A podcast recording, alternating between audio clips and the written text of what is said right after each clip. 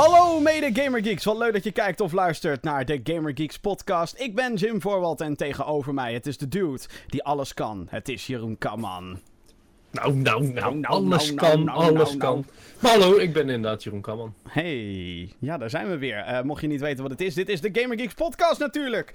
De wekelijkse talkshow waarin wij praten over alles wat er gaande is.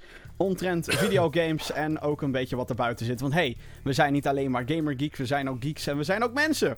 Gek genoeg. Eh, ja, Datum van opname is 25 juni eh, 2017. Het is vandaag acht jaar geleden alweer sinds dat Michael Jackson is overleden. Ik vind dat nogal een dingetje. dat is ik voor zag- jou echt wel een dingetje. Ja, ik zat, dat, ik zat vandaag... eh, nou, ik ben ook best wel een muziekliefhebber. Ik zat vandaag op Twitter ook natuurlijk een beetje te kijken. En dan zie je toch wel dat dat eh, acht jaar geleden is. Wat, dat, wat, wat is er met, met tijd aan de hand gewoon? Ik heb echt het idee dat ik, dat, dat, dat, dat ik morgen 50 word of zo. Ik ben Dat worden we 26, ook. dus... eh, nou. Eh, maar goed, ik, ja, ik, vind, ik vind dat altijd wel een dingetje. Ik kan me dat namelijk nog tot de dag van, van gisteren... Alsof het gisteren was, kan ik me dat herinneren. Dat ik, eh, dat, ik dat te horen kreeg dat de beste man overleed. En ehm, nou, Michael Jackson is echt mijn favoriete popartiest aller tijden. Dus, en voor heel veel mensen. Dus, ehm, en, en het is volgens mij ook een van die weinige artiesten waarbij mensen acht jaar later nog weten dat hij overleden is. Ja. Want ik weet nog dat, eh, eh, nou ja, Prince is natuurlijk ook al nu langer dan een jaar eh, hè, de pijp uit. Daar is nu ook een nieuwe re-release van, van Purple Rain en zo. En ja, toen Prince een jaar overleden was, was van ja, ja, ja, oh ja, ja, Prince is overleden, ja. Oké, boeien, door. Ja. Ah, goed. anyway, ehm, het is niet het enige wat eh, in onze ogen dood is, Jeroen. Nee. Want eh, je klinkt pissig. Je klinkt zo pissig. Ja, en ik we moeten al het waar jij het bruggetje naartoe maakt. we moeten het nog hebben over games en zo. En weet ik het wat allemaal. Ehm, nee, wij hebben ook. eh, we, gaan, we gaan meteen even lekker. Lekker off topic, want fuck it. Ehm, wij hebben afgelopen week hebben wij Transformers gezien. En daar wil ik bijna al zeggen de slechtste film ooit. Gewoon bijna. Oh, wat? Gewoon zo slecht. Holy shit. Holy shit, dat is wel heel erg eh, heftig. Zitten dus het enige... Nou, ik ga niet zeggen, de spoiler me shit. Maar echt, Nou wat ja, een slechte boutfilm was dat gewoon die hele franchise. De enige die goed was, deel 1. Wordt gewoon onderuit getrapt door deze film. Gewoon al die bullshit, echt. Ja, la- laten, we, laten we even bij het begin beginnen. Dus de, de, de nieuwe Transformers film is uit. Het is de vijfde alweer. Geregisseerd door Michael Bay. De man die de grootste explosie fetish ooit heeft, waarschijnlijk. En, de, en dat is ook het erge, waardoor ik zoiets heb van... Hoe fucking oud zijn we? Waarom gaat de tijd zo snel? Het is tien jaar geleden sinds dat de eerste film uitkwam. Yep. Echt, mind is blown gewoon. Ik kan me ook niet geloven dat ik 16 was toen ik die film voor het eerst zag. Echt hè? Ik zat echt zo van hoe de. Hoe de hè? En ik weet nog wel dat ik toen helemaal Shia LaBeouf fan was. Want ik vond Transformers 1 vond ik fucking vet. Die film zal ik blijven verdedigen, mensen. De eerste film was gewoon heel erg dope. Ja. Ja, met uitzondering van een paar elementen natuurlijk. En het is best over de top. Maar het, het is gewoon. Het is ingetogen in vergelijking met wat daarna kwam. Ja, de rest is echt zo onzin. En daarna is ook allemaal- nog eens die film Disturbia. Ik weet niet of je die nog kent. Nee, Met Shia. LaBeouf. Dat is dan... eh Shia LaBeouf speelt dan een, een tiener die eh, huisarrest heeft. Heeft hij zo'n zo'n piepding. zo'n Oh, jawel, die heb ik wel gezien, ja. Dat hij met die verrekijker naar buiten gaat koepelen. Exact, ja. En dan blijkt Ja, er ja, echt ja. iets mis te zijn met zijn overbuurman of zo. Ja, precies. Wat ik echt best dope vind. Eh, die, die film moet je ook een keer gaan kijken als je die nog niet gezien hebt. Maar goed, Transformers, dat was de shit. Toen kwam Revenge of the Fallen. Nou, Nee, je had toch een tweede, toch? Die ja, dat was de tweede. Revenge of the Oh. Fallen. Die was fucking shit. Je Ja. had daar, hoe heette die guy? Devastator volgens mij. Met zijn stalen ballen. Ja, ze ze nuts. Zijn nuts. En eh Shia LaBeouf in Optimus Prime Heaven. En echt, eh Optimus die school prime. dood ging, tussen aanhalingstekens. Nou, dat was echt, het was de grootste onzin aller tijden. En daar begon, wat, wat daar slecht aan was, en, en dat, dit geldt voor alle Transformers films, behalve de eerste. Ze zijn allemaal zo lang, maar zo fucking boring. Ja, Terwijl er wel hè. veel gebeurt of zo. Ja, er gebeurt explosies, en maar je cared niet gewoon. En toen, oké, Revenge of the Fallen vond ik echt, echt heel erg slecht. Dat was voor mij echt dat ik denk, What the fuck hebben jullie met deze franchise gedaan? Nu al. Mhm. Toen kwam deel 3, Dark of the Moon. Ik weet dat ik daar naartoe ging. Volgens mij was jij daar ook bij. Yup. En dat we daar naartoe gingen met, nou, zo slecht als deel 2 kan het nooit worden. Was het ook niet. Het was gewoon fucking boring. Ja, het was gewoon boring. Ik moet zeggen, die was in vergelijking met deel 1 qua verhaal nog enigszins normaal of zo. Ja, Als je ik, gaat kijken naar Revenge of the Fallen met die nuts en zo van dat ding. Dat ja, was heel erg kiddie. En deel 3 die ging weer ietsje serieuzer. Die ging wat meer richting de conspiracy theories met Amerika en zo. Dat ik zei, oké, oké, niet leuk, maar ook niet slecht. Nee, het- wat het was met deel 3 is dat... Godsamme, waar ging het ook weer over? Ja, het enige wat ik me nog kan herinneren van die film is dat... eh, je had een grote tentakel transformer die ging door een gebouw heen. En dat was een hele Ja. scène. En ik weet me nog heel goed het einde, spoiler alert, het einde te herinneren van die film. Dat Optimus Prime echt in één keer killt hij een Spock transformer. Want die guy die, eh, ook inmiddels overleden, die Spock Oh, ja. speelde, die, die, die was een transformer. En Megatron. Dat was ook een Prime. Ook een Prime, ja. Ook, eh, iedereen Ja. is Prime tegenwoordig. Far Cry Primal. Ehm, Oh, ik weet waar het over ging. Ze gingen proberen om die planeet eh, Cybertron toe te voegen aan de aarde of zo. Of dat het één dat is toch het plot van elke fucking Transformers film inmiddels. Precies. Ehm, maar wat ik me nog kan herinneren is dat Optimus Prime killt dan Spock Prime. Ja. Killt Ja. vervolgens Megatron, soort van, want hoe Megatron komt altijd terug. En dan, hij heeft ook één arm minder, want zijn arm werd eraf gerukt. En dan was het echt zo, oké, ik heb jullie gekild. Earth is our home now. Credits, in één keer. Zo, what the fuck? Ja. Toen kwam deel 4, Age of Extinction. Nou, ik wou dat die shit extinct was daarna. Dat waren Echt, de Dinobots. Dat was in één keer... Zo, die film was... Daar kan ik me echt niks meer van herinneren. Die waren echt zo leem. Helemaal Echt niks. heel. Waar de fuck ging het over? Ik weet alleen dat Mark Wahlberg vond ineens Optimus Prime. Hij had een dochter waarvan je denkt... Goedemiddag. Beschuitje. Colaatje. Slaapkamertje. Hotelletje. Motelletje. I don't care. ja, dat, dat, dat je denkt... Jezus. Maar dat heb je altijd in Transformers films. Er zit er altijd eentje in. Mhm, mhm. Ehm, en, en het enige wat ik me daar ook van kan herinneren... Oh ja, Dinobots spelen een grote rol. En ineens uit het niets komt Optimus Prime op een dino... eh, ineens. En eh, de rest weet ik niet eens meer. Oké, The Last Night. We zijn er. Deze nieuwe vijfde Transformers film. Jeroen, wat vind je van deze fucking film? Deze film is echt gewoon stront voor je ogen. Gewoon echt letterlijk. Het kan gewoon niet wat ze hier gedaan hebben. Het gaat van de hak op de tak, van de eerste onzin naar de tweede onzin. Het is van onzin naar onzin naar onzin. En ze proberen met onzin andere onzin te niet te doen, maar dat werkt gewoon niet. Nee, nee. En dan dingen die in de eerste film gebeurd zijn, die worden in deze film ook teniet gedaan. En dan niet op een stoere manier, zoals bijvoorbeeld eh, deze Future Past van de X-Men. Nee, gewoon echt gewoon dat je denkt van, maar dat is in deel 1 wel gebeurd. En je zegt nu hier dat het niet gebeurd is, what the fuck. Ik heb daar altijd zo'n grafhekel aan als ze gaan eh klooien met het verleden. Van dat wat we al kennen. Nou, dat gaan we anders maken, want oeh. Ik, ik, ik heb dat ook met die aankomende Han Solo Star Wars film. Hm? We weten nu al dat Han Solo niet Han Solo heet omdat een Nee. van de plotpunten in de film gaat worden hoe Han Solo aan de naam Han Solo komt. What the fuck? Hij heet toch gewoon Han Solo? What the fuck? Hij heet niet anders. Ga weg met je gekut. Laat, ik hoef die film eigenlijk... Ja, ik ga hem wel kijken, want fucking Star Wars. Maar what the fuck? Ik wil dat niet weten. Hoe, hoe, hoe hij en Chewie elkaar ontmoeten is misschien interessant. Wat dat is wel leuk. wat er tussen niet hem hoe die en- aan zijn naam komt. En wat er tussen hem en... eh, oh shit, hoe heet die? Eh, Lando. Lando Calrissian. Mhm. hè, hoe die elkaar ontmoeten en zo. Dat is interessant. Hoe die de Falcon krijgt is misschien interessant. Maar niet die bullshit erbij verzinnen van... Han Solo is niet zijn echte naam. Fuck off. Hij heette eerst Chris Walker. Ja, nu heet hij Solo. Heette eerst Peter Quill. hij noemde zichzelf Star-Lord. Fuck dat. Oké, sorry. Eh, ik dwaal af. Transformers. Oké. eh, het, ik kan niet eens... Ik, ik weet niet eens waar ik moet beginnen. Ik weet niet eens waar ik fucking moet beginnen bij deze film. Oké, Yes, my lord. stel... Ja, oké. Oké, als je de trailers hebt gezien, weet je dit. Maar het begin van de fucking film is dus één big-ass Game of Thrones battle in de middeleeuwen. Echt, waarin King Arthur daar zo staat. Oh nee, we gaan dit niet winnen. Waar is jouw tovenaar? Waar is Merlin? Merlin schijnt een of andere fucking bezopen begol te zijn.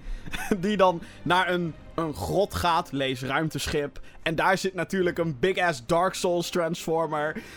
Sterker nog, het zijn er 12. 12 Transformers, Dark Souls, Guardians. En die veranderen in een fucking draak. En dat Yep. zit allemaal in het begin van die film. En dan denk je al, oké, we zijn al over de grens van stupidity zijn we al heen. Het is niet normaal. En oh, eh, jongens. eh, jullie hebben allemaal geschiedenisles gehad. Over de Tweede Wereldoorlog. ik zeg je alvast, Hitler heeft zichzelf niet vermoord. Nee, nee, nee, het Dat was een horloge. duidelijk, dat heeft hij niet gedaan. Het was een horloge die hem kilde. Ja, het was En een Transformer. Over alle geschiedenisdingen, daar zijn Transformers nu ineens bij betrokken. Boel. Sterker nog, onze planeet Aarde is niet eens de aarde. Onze planeet heet eigenlijk Unicron. Just saying. Fucking bullshit. en ik, ik, ik weet niet in hoeverre dat gelijk staat met, met, ehm, met de Transformers cartoons en zo. Daar weet ik eigenlijk te weinig meer van. Want ik weet ik hoe lang geleden dat ik dat gezien heb. Maar in de logica van hoe deze films tot dusver zijn geweest, is het niet logisch. We weten dat Transformers er al lang zijn. Maar. Unicron, come on, come the fuck on. Het is, En- het is kansloos. Het is echt zo kansloos, maar ook het is zo dat je denkt: waarom is dit personage er? Waarom is dat personage er? Waarom? Er zijn zoveel nutteloze characters in deze fucking film. Waaronder die guy met die krullen. Met die krullen. Ik weet echt niet hoe, hoe die heet. Maar die zit echt in elke fucking film zit hij. En die staat hier letterlijk alleen maar aan een telefooncel een beetje informatie door te spelen. Aan- Oh, hij, ja, ja, ja, die in deel 1, laat me zeggen. ja, dat die Special Forces anti-Transformer. was, ja. Ja, precies. What the fuck?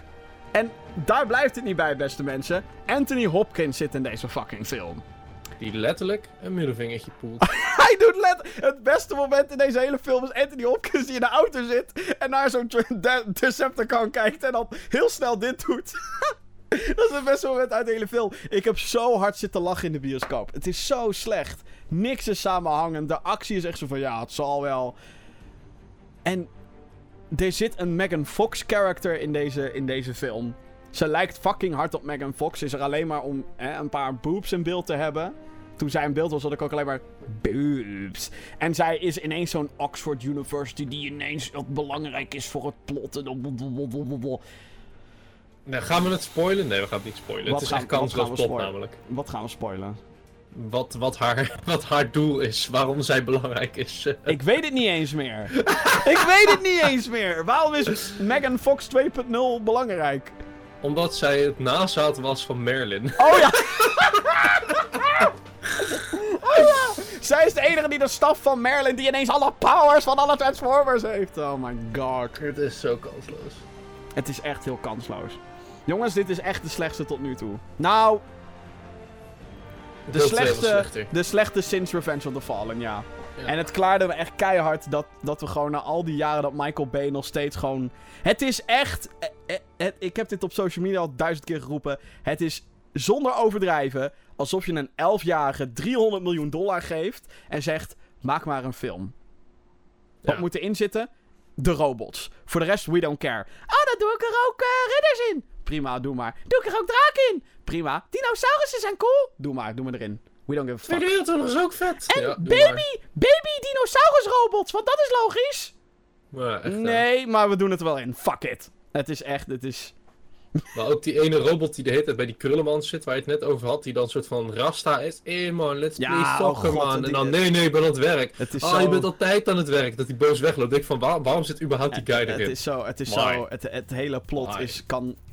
Het is een bubbeltje die zo... Zeg ja, maar. dat slaat helemaal nergens op. Oh, man, man, man. Oké. Oh, Bumblebee, ik heb je stem nog nooit gehoord eerder. Nee, behalve in deel 1. Maakt niet uit. Maakt niet uit, maakt niet uit, maakt niet uit. Oké, eh, wat hebben we verder nog meegemaakt, Jeroen? Behalve deze fucking bizar slechte film. Nou, kijk, ik kreeg op een paar moment een berichtje op internet van... Hey, er komt een nieuwe versie voor de Nintendo Switch eh, firmware 3.0. Oh ja, de oh, update, ja. Cool, cool, cool, cool, weet je. Nice. Gaan we eindelijk iets zien? Nou, oké, ze hebben wel wat dingen geüpdate. Ze hebben bijvoorbeeld voor gezorgd dat mensen die al een Nintendo-account hebben op een 3DS of een Wii U... dat hun vriendenlijst eh, een soort van suggestielijst wordt. Dus dat je op je Switch kan zeggen... oh ja, die wil ik hier, die wil ik hier, die wil ik hier. Dus dat je niet opnieuw iedereen hoeft toe te voegen. Maar ik hoopte dus ook op een virtual console. Want hey, ze, hebben bekendgemaakt van iedereen die dan zo'n abonnement later gaat nemen... die krijgt dan eh, toegang tot NES-games. En dat is gratis tot 2018 ergens of zo, iets in die richting. Maar het is er nog steeds niet. Ik ben gewoon boos. Waarom Ik, ik wil die shit. om, omdat, ze, omdat ze geen virtual console hebben, ben je boos? Nog steeds niet. Ja, er komt gewoon steeds niks bij. Er komt steeds een update. Ja, het wordt stabieler. Maar ik, ik pak hem er voor de fun gewoon even bij. Oh jee. Er gebeurt gewoon niks. Er, ver, er verandert gewoon echt in mijn ogen helemaal geen pleuris. Nintendo gewoon. is echt zo traag. Nintendo is zo traag met dat soort dingen. En het is, eh, ik bedoel, dit heb ik vaker geroepen, maar de Switch is afgeraffeld, jongens. Het is, het is, het moest in maart uitkomen, want aan het eind van het jaar is gewoon geen schijn van kans. Want dan zijn er Nee. zoveel games dat mensen denken, oh fuck it, ik koop wel een eh, Playstation of een Xbox. Ehm, bij Black Friday sales heb je dan natuurlijk ook weer dat al die consoles nog goedkoper worden. Ze worden ook alleen maar goedkoper. Ehm, ik snap inderdaad ook niet waar, de fucking, waar die fucking virtual console blijft. We zijn nou... Nou oké, het valt nog wel mee hoe oud de Switch is natuurlijk. Het is nog maar drie maanden oud. Maar... Heel veel Nintendo fanboys verzinnen dan smoesjes van... Ja, maar... eh, weet ik veel, eh, updates komen nog. En ik heb liever dat ze het afmaken dan dat ze het afraffelen. Het is afgeraffeld, jongens. Het is afgeraffeld, sowieso. Ehm, er, er bestaat gewoon geen enkel excuus. De Wii had een virtual console bij launch. Dat was 2006. Eh, de Wii U had een virtual console bij launch. Dat was 2012. De 3DS had een virtual console bij launch. Toch? Die werkt eigenlijk niet aan mijn hoofd. Die, oké, nee, die, ik ook niet. die moet ik misschien terugnemen. Maar dat weet ik eigenlijk niet. Oh, dat is wel een googeltje waard. Maar wat is er nou... Wa- Wat was er nou met die, met, met die update aan de hand? Ja, je kon nu eindelijk zien of vrienden online kwamen of zo. Nou, dat kon sowieso al, dus dat vond ik Oh. wel heel raar. Maar je hebt nu Friend Suggestions. Dus als je accounts hebt op een Wii U of een 3DS dan, of een 2DS, dan kan je die dus koppelen met je Switch. Dus dat je Hmm. niet alles weer opnieuw hoeft toe te voegen als je al een account hebt. Dat het eerst dus wel moest. En je hebt in de nieuwsberichten heb je nu dus eh, kanalen. Dus je kan kanalen toevoegen van een bepaalde game.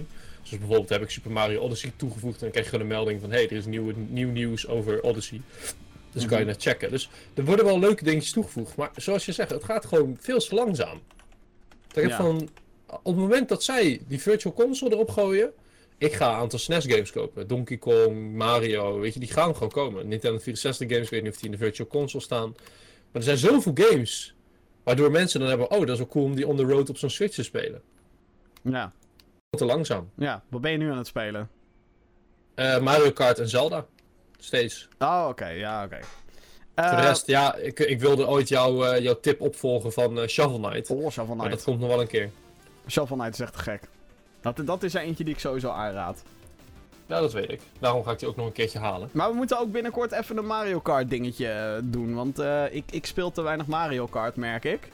Omdat ik elke keer die fucking... Ik wil die Grand Prix wil ik dan halen op... eh, ik zit nu nog op de 150cc. Ik moet nog naar de meer en naar de ik ook. 200cc. Maar ehm, ja, ik, eh, dat moeten we een keertje doen. We hebben ook best wel wat, wat mensen, wat mede mensen in de community ook die eh, ook een Switch hebben met Mario Kart. Want hey, hoe kan je nou een Switch hebben en geen Mario Kart? Overigens, hoe zit dat nou met die game ARMS? Ik hoor daar helemaal niemand over. Nou, ik heb wat filmpjes gezien en ik hoor juist dat mensen het wel leuk vinden. Oké, het is wel... Ja, maar daar ligt voor, denk ik, een beetje ook het probleem. Wel leuk vinden. Het is wel leuk. Ja, het, het, het oogt voor mij ook iets wat een beetje diepgang heeft. Niet dat ik denk, nou, hé jongens, eh 50, 60 euro alsjeblieft. Ik denk dat je het moet zien als een soort van 3D Street Fighter. Ja, nee, dat is het ook. Althans, 3D, punch-out. eh, Ja, precies. Ja. Een beetje arena, arena. Maar er schijnen gewoon wat leuke dingetjes in te zitten waardoor je blijft spelen. Alleen mij trekt het gewoon niet aan. Zo simpel. Ja, maar ik denk dat dat ook een beetje het issue is met, met dat soort eh, Nintendo-franchises.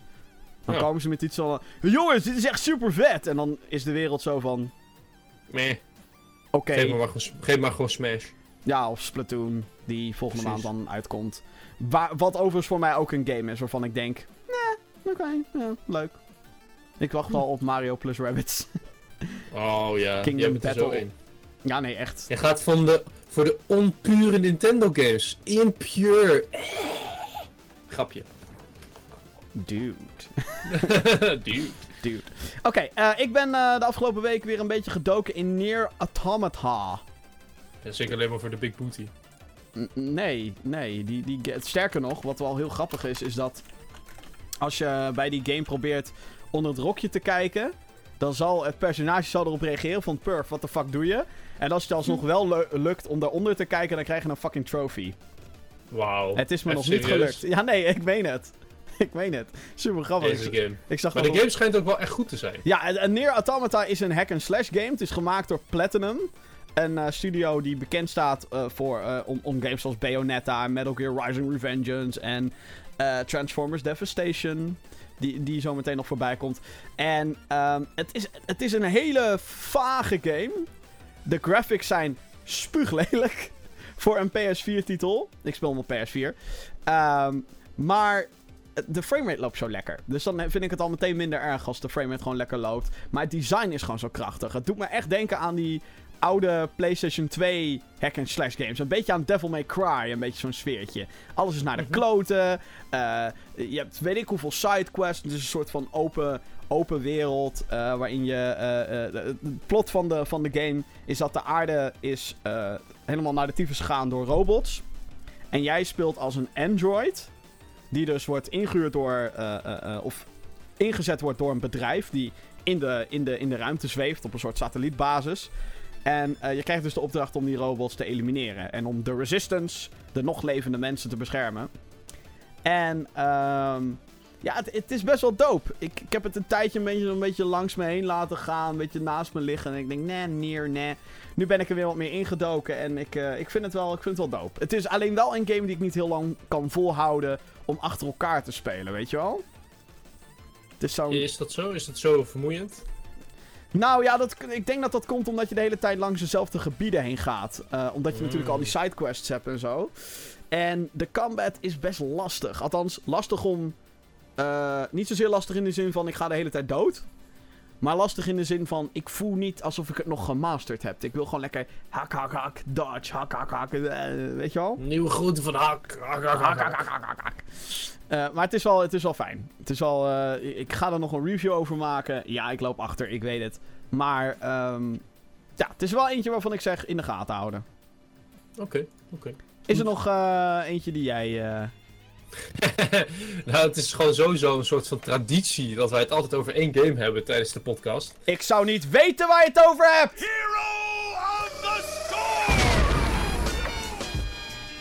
Ja, je had het over Nou. de beste MOBA alle tijden.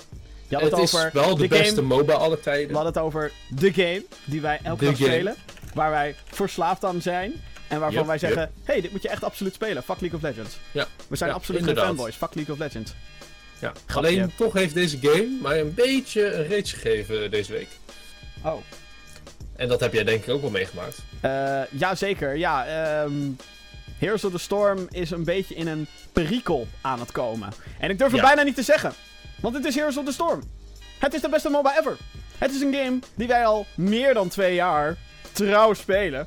Omdat het gewoon fucking lauw is. Omdat wij, nou ja, wel praktisch bijna elke dag, toch?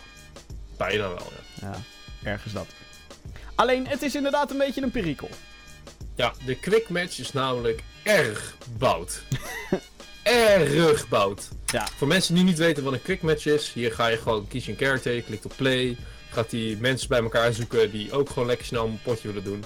Het grappige was is dat snel was er op een moment niet meer bij. Dus Nee. had je gewoon gauw 10 minuten te wachten voordat je een match had. Jezus. Kansloos was. En toen dachten ze nou, dat probleem moeten we oplossen. Maar in plaats van dat ze het probleem hebben opgelost. Ja, het probleem van lang wachten is opgelost. Maar hebben ze nu gewoon, ah, we flikkeren iedereen bij elkaar. We gaan niet meer kijken naar composities. Dus wat de laatste tijd gewoon heel veel gebeurt, is dat wij gewoon geplaatst werden met echt debielen. Gewoon echt de grootste kansloze debielen die er kunnen zijn. Ja, zeker. Maar ook gewoon dat je, het ene team een tank heeft. En jij niet. En een tank in de zin van een, een, een, een guy die gewoon heel veel health heeft en alle damage kan soken. Nee. Dan ben jij alleen maar squishy characters die in één klap dood zijn. En zij hebben dan allemaal gekke buff guys die in, in tien klappen om die omver te krijgen zijn. Ja, en dan ga je. Het is gewoon niet leuk meer. Het is Ja, niet gewoon, is- ja, je het- hebt snel match, maar je wordt gewoon ingedeeld met mensen waar je niet mee kan spelen. Het is een beetje het probleem. ehm, en, en het erge is, als je dan met die mensen wordt ingedeeld. Dan zijn die mensen vaak zout. Zo, niet normaal. Dat wij zijn dan degene die alles fout doen. Damn, son. Ik, ik ging ook, eh, wat was het? Gister, eh eer, gisteravond. Ging gewoon een casual potje doen. Het was 1 uur s'nachts. Ik was echt helemaal naar de kloten. Ik was ontzettend moe. En ik, ik ga zo'n match in met een redelijk nieuw character. Ook nog eens. Mathael is dat. Mathiel. Ja, te gek. Wat een te gek karakter weer, hè. Helemaal top. maar ik- oké, ik maakte een paar foutjes. Ik speelde niet heel goed, maar ik had ook echt een debiel team. Is er dan zo'n klootzak die alleen maar...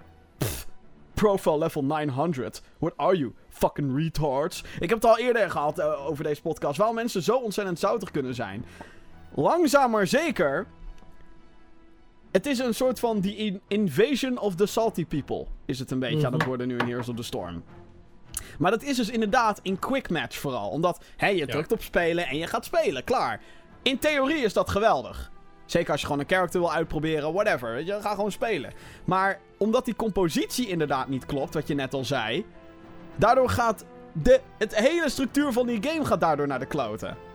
Gewoon compleet weg. Alsof je in een, in een in, in Battlefield ineens al, ook alle tanks weghaalt.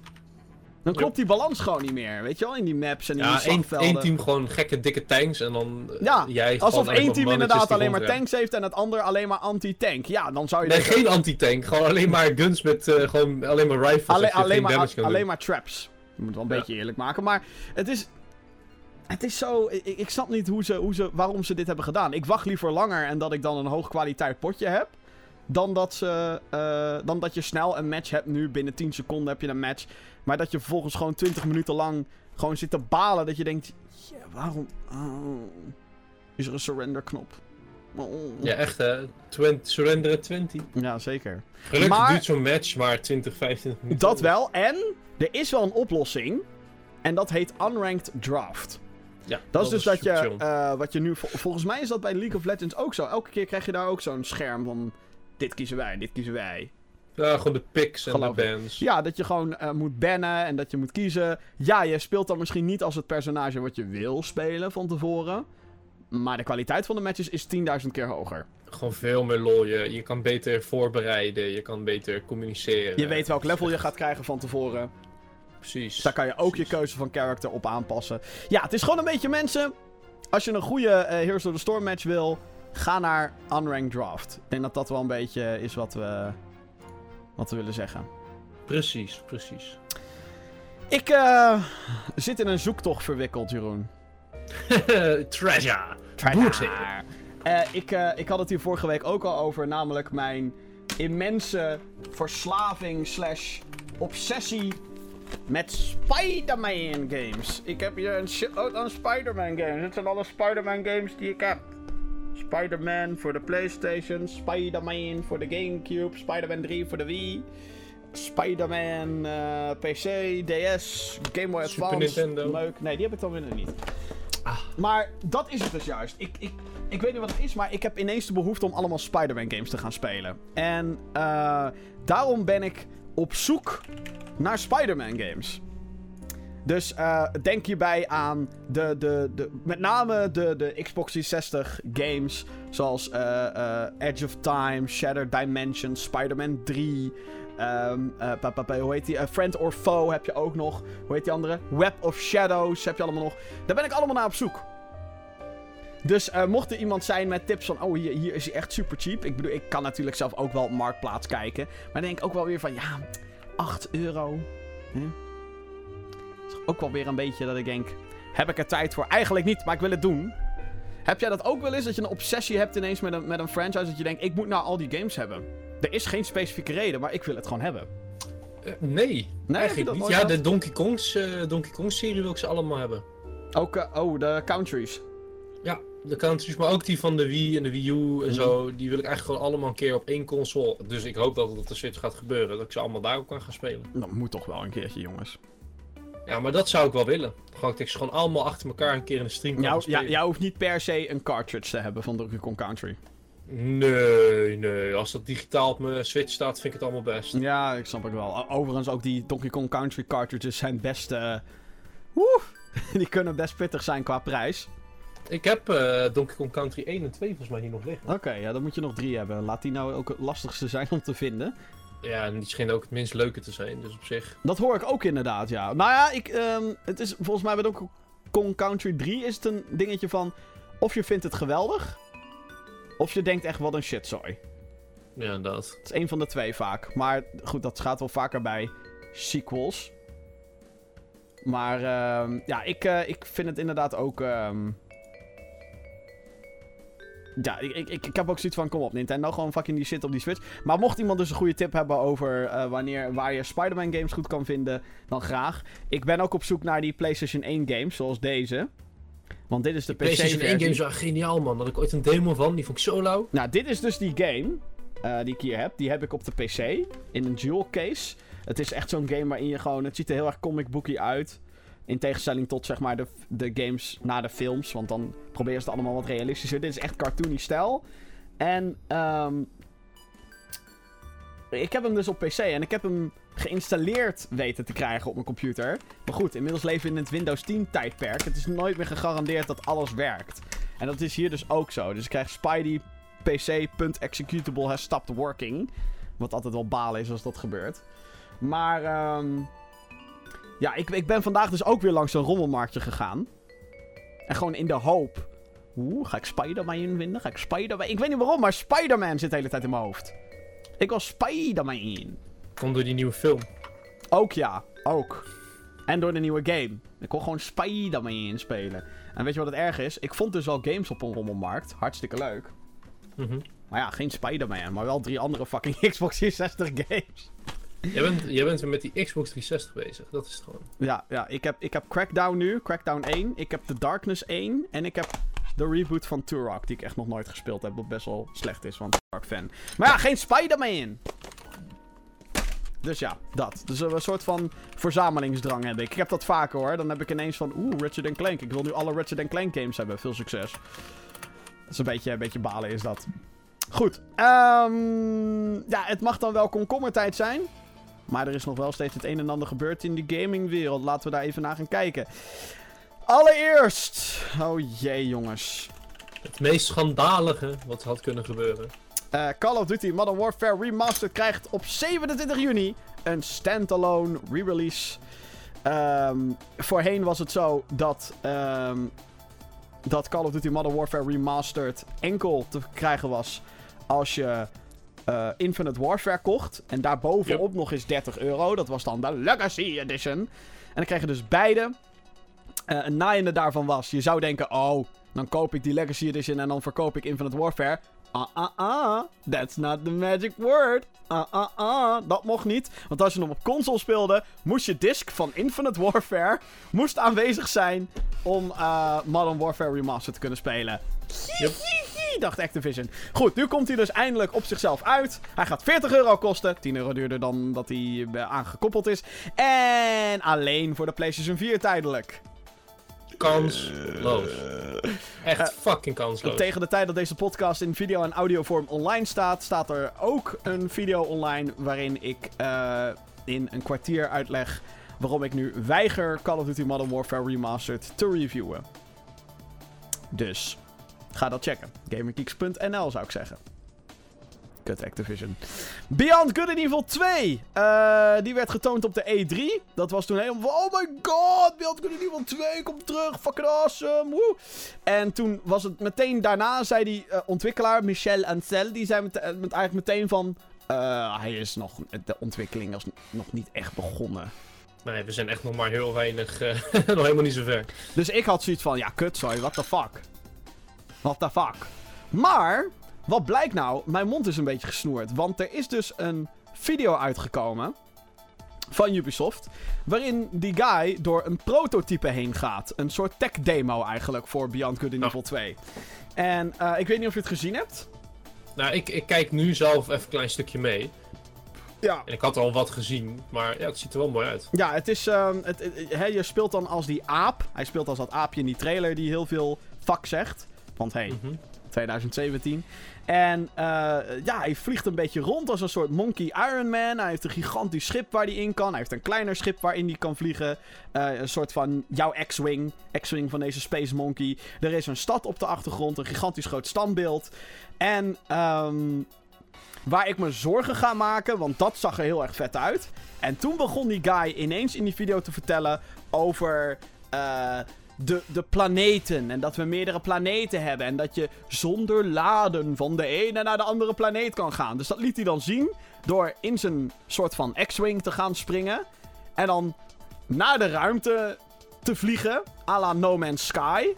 En dan vervolgens weer terug. En dat hij dan eh, door zijn debug menu kon hij dan de tijd kon hij verder zetten. Zodat je zag hoe de planeet om de andere planeet draaide. En dat, ja, we willen de planeet goed vullen. En oh, het is zo groot, maar we gaan het goed vullen. En dan denk ik, fuck. Jullie gaan veel te ver. Yep. Veel te ver. Sommige mensen ergeren zich aan het feit dat er grote lege vlaktes zijn in Breath of the Wild. En die game, althans, jij hebt het meer gespeeld dan ik, is volgens mij best goed gevuld nog. Ja, is Met leuk. shrines en, en eh, kleine uitdagingjes, campjes van die eh mokoblins of zoiets, zo heten die beesten. Ja, Mokoblins, Bokolomins. En dan, en, dan, en dan kom je bij Beyond Good and Evil 2 en dan willen ze iets van zeven planeten willen ze gaan vullen. Die Yep. huge zijn. En dan denk ik, nee, deze game gaat gewoon nooit afkomen. Het gaat gewoon nooit gebeuren. Ja, wat grappig is, ze waren al hoeveel jaar is het geleden van deel 1 en Eh, deze? 14 deel of zo? 1, 2003? Ja, nou, 14 jaar. En dan kondig je hem aan en dan is het, ja, maar zover zijn we nog niet. Na nee, de 14 ontwikkeling jaar. is nog niet begonnen. We hebben alleen een prototype tech demo. Ik, bedoel, ik moet heel eerlijk zeggen, de, de assets in die demo zagen er vet uit. Ze hebben een engine, ze hebben het draaien, weet je wel. Ik bedoel, dat werkt allemaal. Maar nu nog de content. En laat daar nou hetgeen zijn wat we daadwerkelijk willen spelen. Dus ik, eh, ik maak me zorgen. Laat ik het zo Ik zeggen. ook. Dan eh, een grappig dingetje over Gamescom dit jaar. Wij gaan er weer heen. Hartstikke veel zin in. Gaan we weer gekke gamepjes spelen? Ik hoop het wel, ja. Eh, bondskanselier Angela Merkel gaat Gamescom openen dit jaar. En dat is. ehm, ik vind dat best een big deal eigenlijk. Het is alsof Willem-Alexander First Look gaat openen hier. Of Mark Rutte. Eerder Mark Rutte dan, dan Merkel. Maar je snapt de vergelijking, hoop ik. Gewoon Ik een heel prominent iemand die iedereen kent. Gaat een gamebeurs openen. Vind ik apart. Is dit de acceptatie van videogames? Eindelijk?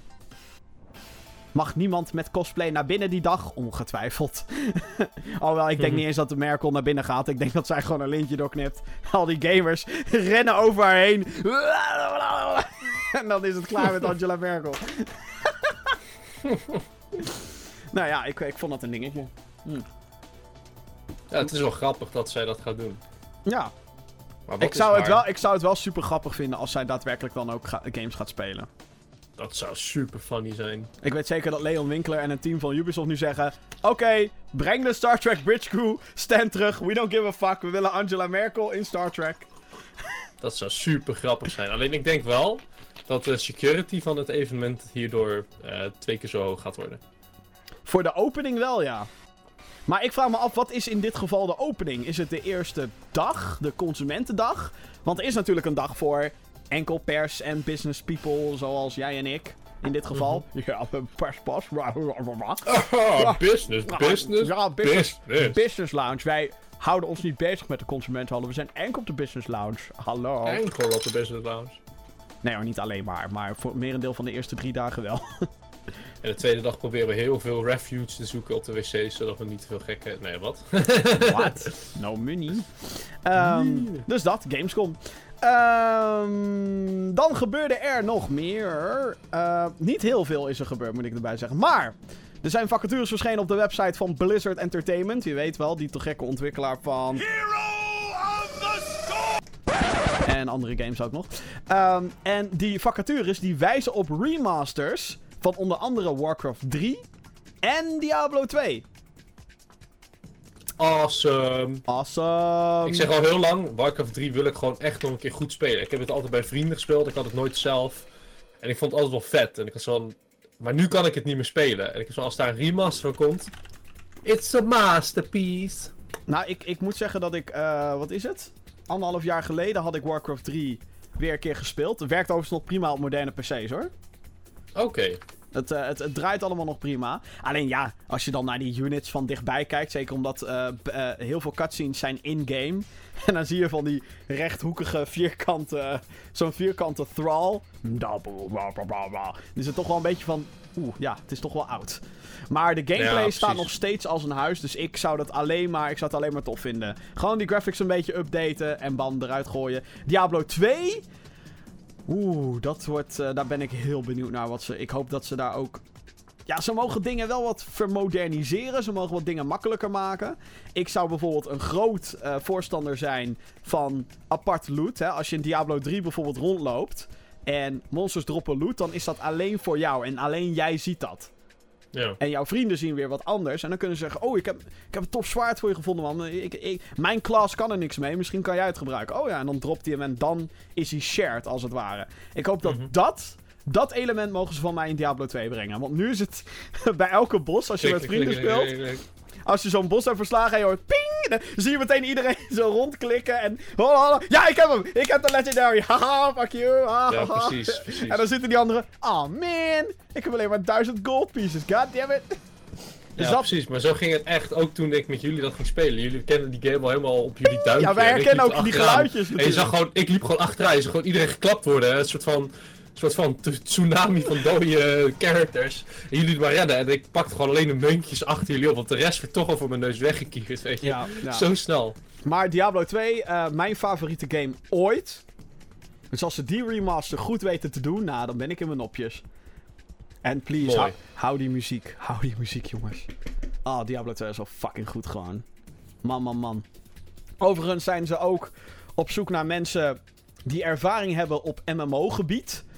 Om de Diablo-franchise uit te breiden. Lees Diablo 4 is in ontwikkeling. Oh, Logisch. En mensen denken dan, hoe gaat het de MMO worden? Ik denk dat ze het op zoek naar MMO-ervaring eerder gebruiken, omdat hun- bijna al hun games hebben MMO-elementen. Weet je al, de lootboxes, de skins, de, het continu online zijn. En natuurlijk gaan ze ook een beetje meehelpen aan Destiny 2. Dus weet je wel, het, eh, een beetje logisch dat ze dat soort mensen zoeken. Eh, deze zomer... World of Warcraft 2. Nou, dat gaat voorlopig niet gebeuren, denk ik. ik hoop wel dat er gewoon een Warcraft 4 komt. Dat zou ik wel dope vinden. Maar aangezien ze nu Ja. alle boel gaan remasteren, denk ik... mm, Duurt ja. dat nog wel even hoor. Deze zomer verschijnt overigens de eerste Blizzard remaster. Dat is StarCraft. Ben ik ook heel benieuwd naar. Het is gewoon deel 1, maar dan eh, opgepoetst en mooier en dat soort dingen. En 4K. En 4K. eh, en als je denkt, ja, maar ik wil het origineel spelen. Die is nu gratis te downloaden op de website van Blizzard. Dus mo- mocht je dat willen doen, het kan gewoon. En het is nog legaal ook. Nog nog leuker. Eh, dan vond ik dit wel grappig. Er is een, een, een patch gekomen voor Pokémon Go. Ja, dat, dat spelletje wat, waar de hele wereld mee geobsedeerd was vorig jaar in de zomer. Ehm, die heeft nu een patch gekregen dat als je illegale eh, Pokémon hebt gevangen, dus bijvoorbeeld door de game te hacken of door te kutten met je navigatie en zo op je telefoon, wat allemaal manieren zijn om Pokémon illegaal te kunnen vangen, ehm, dan staat er een dikke vette cursieve streep doorheen op je selectiescherm. En Echt iedereen waar? kan dat zien, dus het is een soort van ding ding, shame, ding ding, shame, ding Maar gewoon een rode streep. Gewoon echt een een streep. eh, doorheen. dikke zwarte streep. Van wat Een ik zwarte streep. ja, wat ik op de screenshot heb gezien. Dus dan heb je zeg maar je, je Pokémon eh, verzamelingschermpje. En dan zie je al die Pokémon staan. Dan degene die illegaal zijn, heb je zo'n dikke, ja, dikke zwarte streep er doorheen. Heftig. Wat ik wel grappig vind, een soort, ja, mark of shame is het. Ding ding, shame. Keihard. Nou, Ik vind dat altijd wel het leukste trouwens, als, als mensen dat doen. Gewoon op een ludieke manier mensen straffen voor eh, dan wel cheaten, dan wel piraten. Dat vind ik altijd geweldig als ze dat doen. Het was ook zo bij, ehm, eh, bij Batman bijvoorbeeld. Eh, Batman Arkham Asylum. Als je daar een illegale kopie van, of een pirated versie had, en dat hadden ze op de een of andere manier. Als de game dat detecteert, dat je geen legale versie hebt. Wat er dan gebeurt is dat je dan niet je cape uit kan slaan. Omdat je dan kan zweven als Batman. En in het beginstuk van de game komt er natuurlijk een stuk dat je dat moet doen. Dan Hm. legt de game een beetje aan je uit hoe je dat allemaal moet doen en zo. En dan krijg je dat. en dan ja, kan je niet verder komen. Je pleurt gewoon de afgrond in en dat is het. En ze hadden bij eh, de game van een van de games van Serious Sam, als je dan gepirate had, dan kwam er een grote eh, schorpioen. En die kon je niet doodmaken. oh Dus ja, die ja, die Ja, kapot. ja, prachtig. En een van de mooiste vind ik nog steeds eh, Michael Jackson voor de DS. Die game. Eh, Ja. Als je daar een illegale versie van had of een ROM, dan kwamen er allemaal Fufuzela's eh, door de muziek heen. Ja, joh. Ja. Vind ik geweldig. En oké, misschien wel een van de mooiste is nog, als we nu toch deze route opgaan. Er is een game genaamd Game Dev Tycoon. Nou, Ja, ja, ja. zegt het al. Eh, en als je daar de game eh, illegaal, als je die illegaal speelt en de game detecteert dat, als je dan, je kan dan gewoon die game spelen. Lijkt alsof er niks aan de hand is. En als je dan eenmaal een game hebt uitgebracht in dat spelletje, Game Dev Tycoon, Dan uh, krijg je een, uh, op den duur krijg je een boodschap. Ja, je bedrijf gaat failliet, want je game is te veel gepirate. Keihard. Die irony. Ik vind het leuk. Dan een uh, opvallende uitspraak van uitgever EA. Anthem, die soort van Iron Man meets Destiny game die op E3 getoond werd, wordt een tienjarig project. Aldus dus... Patrick Soerderland van EA. Dat zeiden ze toch ook over Destiny? Ja, dat zeiden ze ook over Destiny, ja. Goh, waar halen ze dat idee vandaan dat uh, die uh, shit uh, tien jaar gaat duren? Wat een fucking bullshit, jongens. -hmm. Je kan nooit een tienjarig plan hebben voor een game. Dat bestaat gewoon niet.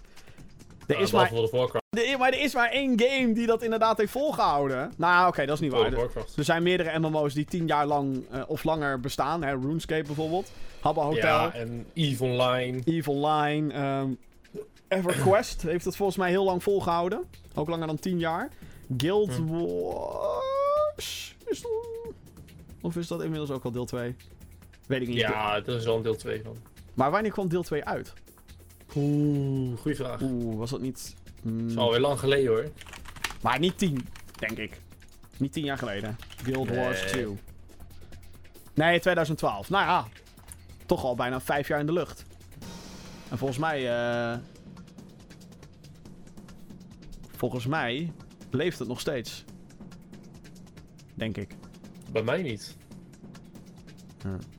Nou goed. Um, anyway.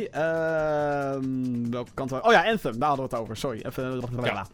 Uh, brain freeze. Um, wat een bullshit. Wat een bullshit uitspraak. Het is niet alsof we over tien jaar nog steeds op de Xbox One spelen en zo. Op de Xbox One X.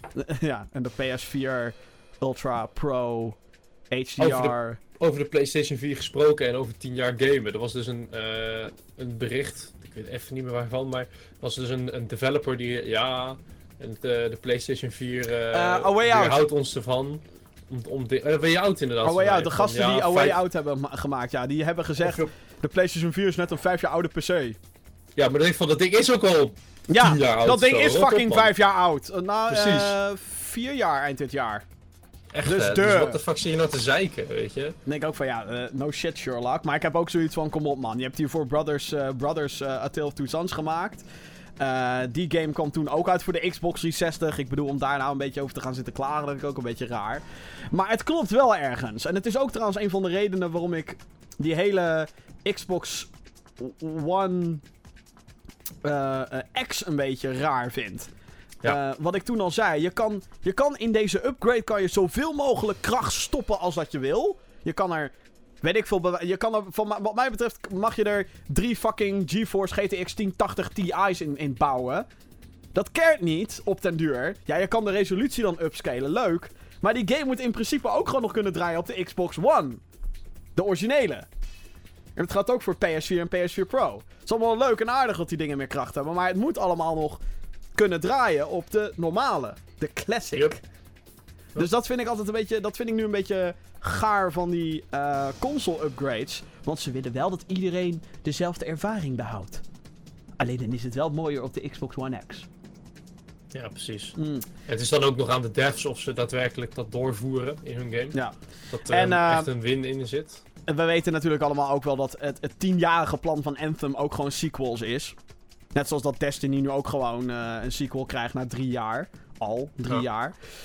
Um, alleen, ja, ik vind, dat, ik vind dat altijd zo raar als er voor, voordat een game überhaupt uit is. Anthem komt in het eind van 2018 pas uit. Dus dat duurt nog weet ik hoe lang. Um, dat ze nu al gaan zeggen: ja, nee, we hebben een tienjarig plan. Dus het, het, het, ja, ik weet niet. Ik ben het is ook een beetje te vroeg van de daken. Ik ben, ja, en ik ben ook helemaal niet zo hyped voor deze game, gek genoeg. Nee, ik vond de, de, de, de teaser die ze lieten zien bij de EA Play wel interessant. Ik zei, oh, nou, wel leuk, zo'n shoot. Wat gaan ze doen? Ja. En toen zagen we die, die, gameplay en toen zei Vincent ook gek geschreven van ja, ze zijn er al klaar mee, want ze springen over enemies heen. Ja. ze schieten ja. niet eens meer op. Ja. Ik heb zo ja, ik denk dat het heel gauw uh, gaat boren, laten we zeggen. Ja, ik, ik, eh, ik, ik, het ziet er mooi uit, daar niet van. En uh, ik vind het hele principe dat je een soort van Iron Man bent die rond kan vliegen, dat vind ik tof. Alleen we hebben al Destiny. We hebben straks ook een nieuwe Borderlands. Ik, ik ben dat hele RPG-schietgebeuren ben ik een beetje... Misschien ligt het ook aan mij hoor, maar ik ben het een beetje zat aan het worden of zo. Maar En Borderlands heb ik dan weer wel zin in. Ja, dat is nu al, maar dat is nu ook alweer een tijdje geleden. Weet je wel? Ja, maar dat is ook gewoon een beetje humor. Een beetje humor, een beetje dingetjes. grappig. Maar, en ik heb ook heel veel zin in Destiny. Want ik heb Destiny 1 heb ik compleet overgeslagen. En Destiny 2 komt naar PC. Woehoe! Dus daar heb ik heel veel Master zin in. Race. Master Race, motherfucker. Die gaan we samen spelen. Sowieso. Sowieso. En eh, het- is natuurlijk ook van Blizzard. En eh, ja, hè. Dus ze zijn sowieso awesome. Sowieso. Ehm, maar ja, ik, ik, ben er gewoon heel, ik ben gewoon heel benieuwd hoe die game uiteindelijk gaat zijn. Is het echt leuk? Is het, is het echt zo revolutionair? Want ze- dat is het ding. Het ziet er niet zo... Het ziet er mooi uit, maar het ziet er niet vernieuwend uit.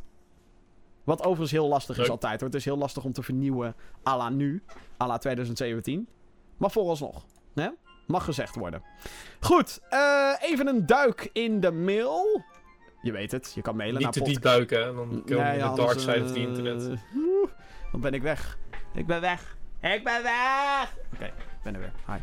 Eh, oh ja, de mailbox. Podcast.gamergeeks.nl. Daar kan je naartoe mailen voor al je vragen, kwesties die je besproken wilt hebben. Of meer van dat soort dingen. En ik zag ook wel een aantal mailtjes weer voorbij komen. Ik ben nu de boel aan het openen. Kom op, kom op, kom op. Eh, ja. Eh, allereerst een mailtje van Rick. Die zegt: Hallo Jim, ik ben heel erg hyped voor Star Wars Battlefront 2 en voor Far Cry 5. Nou, beide denk ik terecht. Eh, ik vind het alleen jammer dat ze geen Collector's Editions hebben uitgebracht. Vooral bij Star Wars Battlefront 2. Groetjes van Rick. Ehm, je hebt voor de helft gelijk, Rick. Want Star Wars Battlefront 2 heeft inderdaad geen Collector's Edition. Far Cry 5 daarentegen wel. Maar waarom heeft hij geen Collector's Edition? Battlefront 2 bedoel je? Ja. Ik heb geen idee. Had Battlefront 1 een Collector's Edition? Ja. Wat zat Ja. erin dan? Ja, ik moet even gaan opzoeken, want je had een, eh, iets met een, hel je had een, een helm of zo. Een Stormtrooper helm. Nee, je kreeg niet letterlijk de helm, maar die stond op de verpakking. Oh. Of was het bullshit? Ik weet het niet meer. Nee, dat, was de, nee dat, was een, dat, waren, dat waren fake eh, dingen, waren dat. Even kijken, ja, er waren een aantal fake dingen. Er waren er een- er waren waar een paar- wel iets bij had, maar... Er, wa- er waren een soort, soort fake collector's editions. Met dat de Ja, PC-versie dan Darth Vader zou krijgen of zo. De Xbox krijgt Yoda en... eh, Ja, die waren inderdaad fake, maar er was ook iets anders. Maar Hm. ik weet dus niet meer precies wat.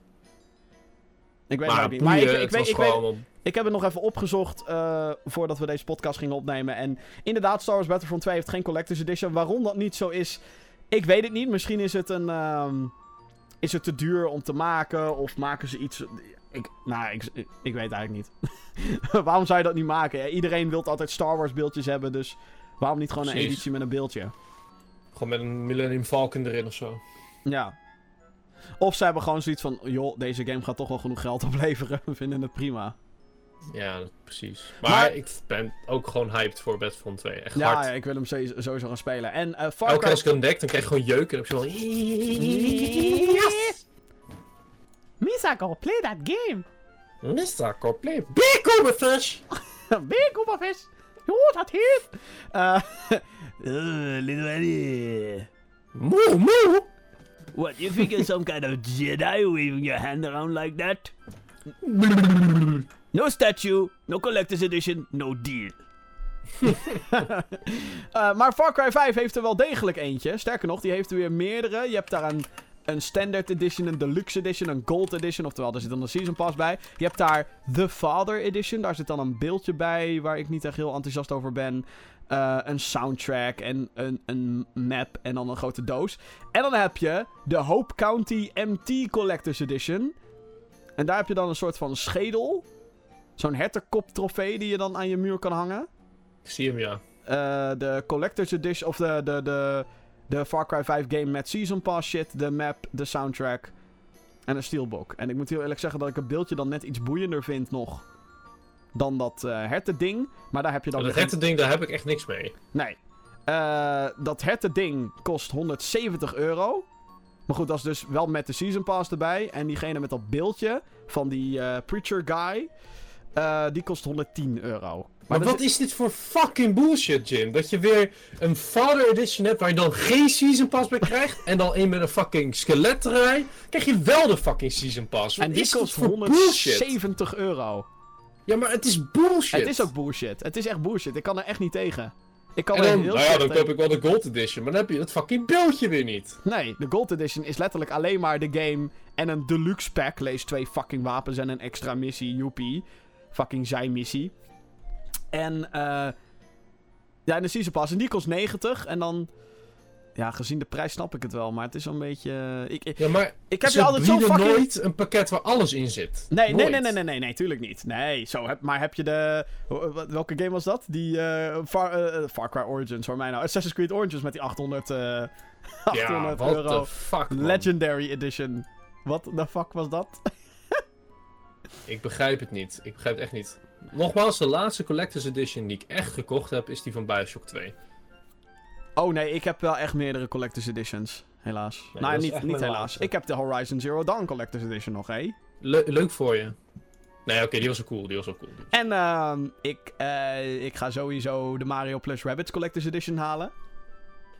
En ik wil eh, heel graag de Metroid Samus Returns Legacy Edition gaat het worden in Europa. Die is awesome, want er zit een soort dingetje bij.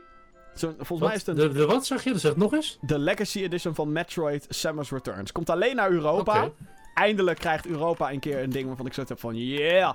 En daar zit dan eh, soundtrack bij. Het ziet er fucking vet uit. Maar ook een. ehm, Wacht even, ik ga het nu even opzoeken terwijl ik.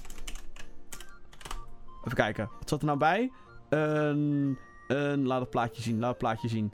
Ja, een, een steel bookcase. Ja, In de van een vorm- oude Nintendo cartridge. In de vorm van een Game Boy cartridge. Ja, precies. Wil ik hebben. Wil ik hebben, wil ik hebben, wil ik hebben. Is het al te pre-orderen? Is het nu al te pre-orderen, verdomme? Hè, hè, hè, hè? Hè, hè, hè, hè, hè, hè? Dus dat vind ik te gek. Nou, ja, ik heb geen 3DS, dus voor mij is het sowieso eh fuck.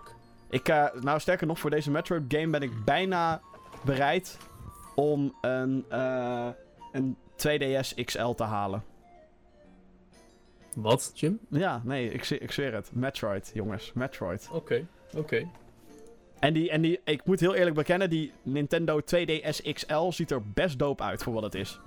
Oh, die nieuwe bedoel je? Ja, dat is die nieuwe. ehm, ja, het is een Nintendo 3DS XL, maar dan zonder 3D. Want niemand gebruikt het toch meer. En alle fucking games gebruiken het ook niet meer. Dus whatever. Ehm, en dan wel met alle snufjes van de, de new. het is de new Nintendo 2DS XL, sorry. Dat ja moet het precies. zijn. Dus ja, dat lijkt me dan wel dope. Maar Voor 165 euro is het nog wel prijzig hoor. ja, ja, ja, ja, ja. Ja, het ding wat ik heb, ik, van, ik heb al een Switch en ik heb een goede game PC en om dan ook nog een oh, Mhm. PlayStation 4, 3DS. Er zijn zoveel consoles. Damn. Dat Damn. is wel waar, ja. ja en ik heb, ik, ik, heb gewoon, ik heb gewoon een 3DS hier, maar het is wel de OG. Dit is echt de OG, hè. Dit is uit 2011 is dit, is dit schatje. En hij doet het gewoon nog. Het is gewoon... eh, Hij leeft nog. de OG 3DS is dit. Het is wel... Ja, het is toch wel... eh, ik, vind, ik vind het nogal wat. Dus ja, misschien moet ik ook gewoon... Voor, voor all time's sake moet ik alsnog hier gewoon die Metroid game opspelen. Gewoon even kijken. Maar ik wil sowieso die Collector's Edition hebben. Dat is één ding wat zeker is. En mochten ze... Gaan ze niet doen. Maar mochten ze zo gek zijn om een nieuw Nintendo 2DS XL Metroid Edition te maken... Ja, dan ga je hem sowieso halen, want zo'n mannetje ben jij wel. Nou, ik moet heel eerlijk zeggen, ik ben niet zo iemand die zegt... Oh, wauw, wat een mooie DS of wat een mooie PlayStation 4. Halen. Nee, terwijl je al een PlayStation 4 hebt. Precies, ja. Want, Nee, maar dat heb ik ook niet. ik moet ook wel heel eerlijk bekennen dat... eh, dat was toen die, die 30th anniversary... Of nee, 20th anniversary van PlayStation. Oh, met de PlayStation 1 versie van de PlayStation 4. Oh, die was zo mooi. Die was echt Dat- mooi, maar ook super duur. Dat retro grijs, jongen. Oh my god. En dan ook die controller in die kleurtjes. Oh my god. Sign me the fuck up. Ik heb daar toch wel een zwak voor, hoor. Moet ik eerlijk bekennen. Dus ja, eh, dat wat betreft de, eh, de Collector's Editions. Maar waarom, nogmaals, waarom ze het bij Star Wars Battlefront 2 niet doen? Het zal te maken hebben met logistiek. Het zal te maken hebben met, met geld, vaak. Ehm, maar we zullen zien. Misschien dat ze nog zoiets gaan aankondigen. Ik denk het niet. Want anders hadden ze natuurlijk al lang die pre-orders hadden ze klaar. Maar EA is sowieso niet heel vaak van de Collector's Editions, volgens mij. Hoeveel Nee, Collector's zegt eigenlijk. Mm, nee, hè? Niet echt. Ik weet zeker dat Anthem een big ass collector's edition gaat krijgen, daar niet van. Want dat wordt hun nieuwe grote ding. Maar niet echt herinneren. Althans, geen uitzonderlijke collector's edition. Ik heb er zelf, heb ik zelf een EA collector's edition? Nee. Nee, helemaal niet. Hm, nee. Volgens mij zijn ze er gewoon niet zo van. Kan. Is natuurlijk Het ook kost misschien te veel investering. Ja, ik bedoel, het is natuurlijk ook veel gedoe. En ik denk dat EA ook een van die bedrijven is die zegt... Yo, eh, wij zijn van de digitale revolutie en we willen alles le- zo lekker simpel mogelijk houden. En hey, met Battlefront 2 slagen ze er wel in, want er is geen Season Pass. Wat ik ja, daar eerst zien dan geloof hoor. Nou, ze, hebben geen, dat ze zeggen dat ze geen Season Pass hebben. Dus, eh, we gaan het zien. Beste Jim en andere geek, hebben jullie The Binding of Isaac Rebirth gespeeld? En zo ja, wat vonden jullie ervan? Ik heb er zelfs zo'n 400 uur in zitten. En blijf, Wat? en blijf genieten van die game. Groetjes van een trouwe luisteraar van de show, Mark. Mark, thanks man voor je mailtje en super tof dat je luistert. Ehm, 400 uur? ja, kennelijk. The Binding of Isaac is echt tof hoor. Ja, dat geloof ik bij 400 uur. Jeetje. Ik, eh, zal ik even kijken voor de grap hoeveel ik erin heb gestoken? De Steam versie. Kijk jij eens even voor de grap. Eh, even kijken, Binding. Oh, installed staat hij op. hij staat nu niet geïnstalleerd. Hm. Binding of Isaac Rebirth, 58 uur. Ja, is ook veel, vind ik. ja, zeker, maar vergeleken met 400. Ja, tuurlijk. eh, maar. Ja, nee, het, het is een hartstikke leuk verslavend spel. Het is ehm, eigenlijk het, het, het, het voorbeeld voor de rogue-like of rogue-lite games. Waar er inmiddels weet ik hoeveel van zijn. Eh, een van mijn favo's is Risk of Rain in dat subgenre. En Enter the Gungeon is ook een hele leuke. Zelfde categorie. Oh, heel moeilijk. Ook heel moeilijk. Ja, de Binding of Isaac kan ook pittig zijn hoor. Dat geloof ik al, ja. Maar het is echt een super populaire game ook. Het is eh, iets wat eh, altijd in die Steam top 100 lijst staat. Best hoog ook. Sowieso top 50. Het is echt wel een populair spelletje. Er is onlangs ook volgens mij weer nieuwe DLC voor uitgekomen. Die allemaal de boel weer, eh, weer nieuw maakt. En eh, die Switch versie. Die wil ik heel graag. Van de... Van The Binding eh, of Isaac. Nice. Ik snap ook niet Oh. dat hij niet meteen... Uit, in Amerika werd hij meteen uitgebracht. En volgens mij kwam hij wel naar Europa. Dacht ik. Maar was dat weer vertraagd en, en de boel. En werd het weer moeilijk gemaakt. Denk ik. Binding of Isaac Switch. Ja, hij komt uit. Maar nog niet. 40 euro. Dat vind ik dan wel weer duur. Oeh. Maar het schijnt wel dat die eh, fysieke editie wel zo'n boekje heeft eh, die heel erg lijkt op het boekje van de eerste Zelda NES game. Wat ik dan wel weer dat cool. te gek vind. Althans in Amerika. Of dat in Europa ook zo is, dat eh, is een tweede. Beter wel. Beter wel, vriend. En de, de makers van The Binding of Isaac, die komen met een nieuwe game. Die komt volgende maand volgens mij ook uit. Maar dat is wat meer een Super Meat Boy-achtige game. Ik weet ook even niet meer hoe die heet. Jeroen die heeft gemaild naar podcast.gamergeeks.nl. Niet jij Jeroen, andere Jeroen. Zou- Ja, dat geloof ik. Zou Lucas Gamergeeks, ik heb een hele moeilijke vraag voor jullie. Wat vinden jullie van e-sports? Is dit een fysieke sport zoals atletiek? Nee. Een denksport zoals schaken Nee. of een cafésport zoals darten? Wat wordt de toekomst van e-sport? Kan ik binnenkort naar Euro e-sports kijken op mijn tv? Wat denken jullie? Toedels van Jeroen. Nou, weet je wat het is? is dat het is geen fysieke sport in de zin dat je eh, inderdaad lichamelijk bezig bent, maar inderdaad wel heel erg tactisch en geestelijk. Ligt natuurlijk ook per game, laat maar zeggen. Maar heel veel mensen vergeten eh, dat het wel echt uren training is. Het is echt bikkelen om zo goed te worden. Het is niet dat je even begint met een game en denkt van, oh ja, nu kan ik wel e-sports doen. Dat, dan, dan kom je echt van de koude kermis thuis. Als je, echt, als je het echt onder drie, die drie categorieën gaat indelen, denk ik dat het een combinatie is tussen een denksport en cafésport. Ja, precies. Want hè, bij darten moet je goed kunnen richten en moet je goed punten Ja. kunnen tellen. En ehm, bij een denksport moet je goed je strategieën voor elkaar hebben en moet je daarop kunnen reageren. Nou, Ja. Dat is eigenlijk wel in feite wat elke e-sport inhoudt. En dan komt daarbij. En ja, daar is dan hè, wat bij darten dan een pijltjes gooien is. Dat is bij shooters bijvoorbeeld dat je goed kan richten. Maar voor de rest is het eh, coördineren met je. Het ligt er natuurlijk ook aan welke game, hè? Want je hebt eh, ja, strategy games, maar daar gaat het vooral om snelheid. Althans, als je StarCraft eh, wilt geloven. Bij Counter-Strike gaat het om teamwork en, en goed kunnen richten. Bij Call of Duty soort van ook. Ehm, bij MOBA's, hè, het is ook allemaal anticiperen wat je, wat je tegenstander gaat doen en zo. Dus het is, eh, ja. Ehm, en, en goed, de, de e wat vind ik ervan? Ik vind het leuk. E-sports, het feit dat het bestaat. Dat, het is alleen maar passie in games eigenlijk. Maar dan nog vergroter. En eh, je, je, sommige mensen kunnen daar geld mee verdienen. Althans, heel veel partijen kunnen er geld mee verdienen. Dat is natuurlijk heel leuk voor die partijen. Ehm, alleen wat het wel is, is dat het in Nederland nog absoluut niet aanslaat. Nee. En eh, waar Het gaat ook niet op tv komen. Mm, nou... Voorlopig nog niet. Nee, Al die oude media, die zitten helemaal van... Nee, in Nederland niet. Slecht, in, in, in, Nederland niet. Nou ja, aan de ene kant ook wel, want volgens mij weten die... Uh, e... Hoe heet het? De E-divisie van FIFA, dat werd volgens mij wel op Fox uitgezonden, geloof ik. Of in ieder geval samenvattingen. Fox Sports. Nou, dat is al een goede eerste stap. Um, alleen, ja, het loopt zo hard, hard achter in Nederland. Maar dat komt ook. En dit, misschien een beetje een rant wat, ik, wat hier nu getriggerd wordt. Maar alle e-sports organisaties in Nederland vinden het nodig om alles in het Engels te doen. Ja. Wat ik niet snap. Ik zag gisteren ook weer tweets voorbij komen van die ESL Benelux event in, in, in Amsterdam. En dan denk ik, waarom doe je alles in het Engels? Je probeert toch Nederland te veroveren? Fucking spreek dan Nederlands. Iemand die totaal niet weet wat er aan de gang is, weet het al helemaal niet als je het ook nog eens in een andere taal gaat doen. En het is niet alsof wij geen Engels kunnen met z'n allen. Wij Nederlanders kunnen dat volgens mij redelijk prima, maar... Weet je, je moet het goed kunnen communiceren en je moet meteen commentaar kunnen leveren. En ik denk dat als je naast alle ingewikkelde termen die er gegooid worden, ook nog eens dat in het Engels gaat doen, dat mensen het helemaal niet meer kunnen volgen. Dus alle lieve e-sports organisaties van Nederland, als je dingen doet die gericht zijn op Nederland, doe ze dan in het Nederlands. Hou op met, dat, met die grootheidswaanzin van, oh, we moeten het in het Engels doen, want we bereiken weer meer kijkers. Nou, misschien krijgen een toevallige klik uit fucking Amerika die misschien meekijkt. Maar voor de rest heeft het echt geen zin, jongens. Ja, maar dat is gewoon echt de reden waarom ze het op die manier doen. Ja, maar... Engels gewoon meer, meer kijkers. Terwijl als je het lokaal... Ik denk dat als je zoiets lokaal weet te marketen... en je weet dingen lokaal aan te pakken... dan... Ja. Het, weet je wel, dan pas denk ik dat er iets kan gaan worden.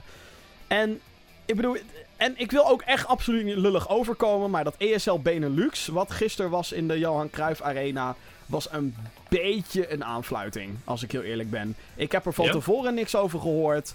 Ehm, ik, wij kregen letterlijk de dag van tevoren kregen wij pas pers-invites en we waren niet de enige. Dus dan denk ik, hè? En vervolgens zag ik foto's voorbij komen van een bijna lege Johan Cruijff Arena. En dan denk ik wel, oeh, man, man, man, man, man. Dat is, dat is, dat is niet goed. Dat is, niet, is niet goed, hè? Ja.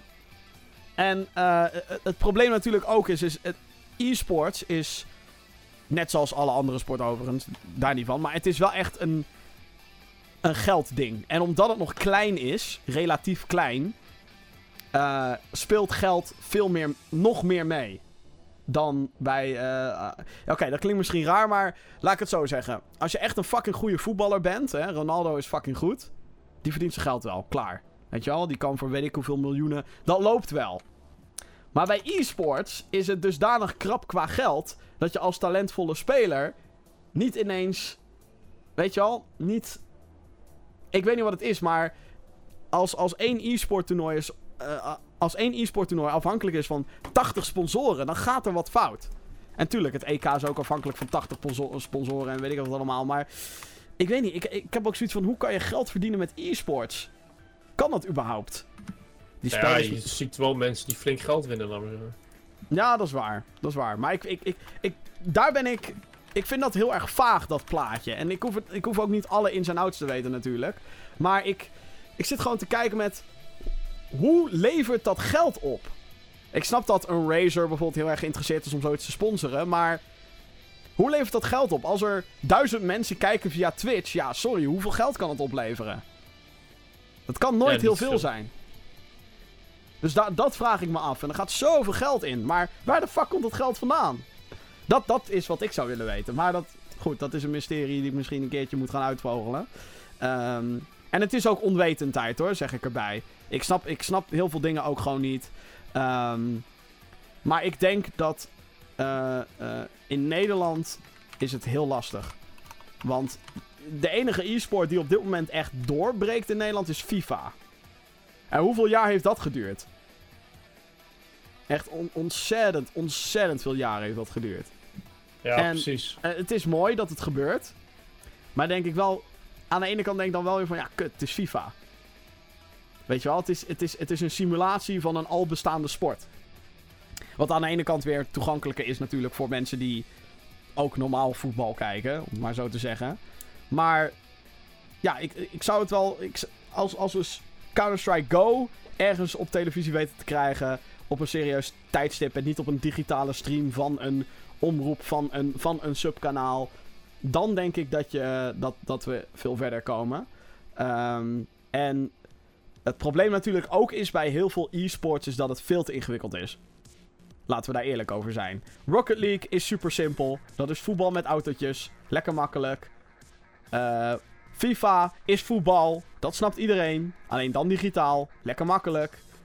Maar League of Legends. Ga, ga maar eens in een paar zinnen uitleggen hoe League of Legends werkt. Dat lukt je niet.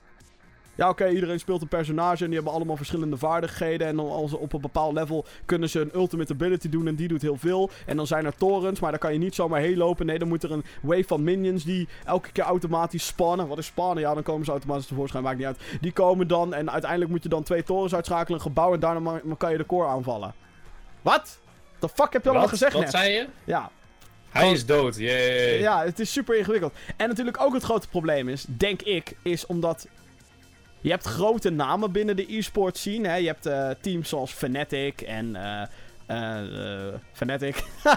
Kut. Blackout. Help, help, help, help, help. Digitas en dat soort dingen. Bananas en pianos of zoiets? Ja, was dat niet alleen World of Tanks? Nou, maakt niet uit. Nou, maakt niet uit. Ik weet, er, zitten, er zijn zoveel teams, ik weet ja, ze ook niet. nou, in ieder geval, hele grote teams.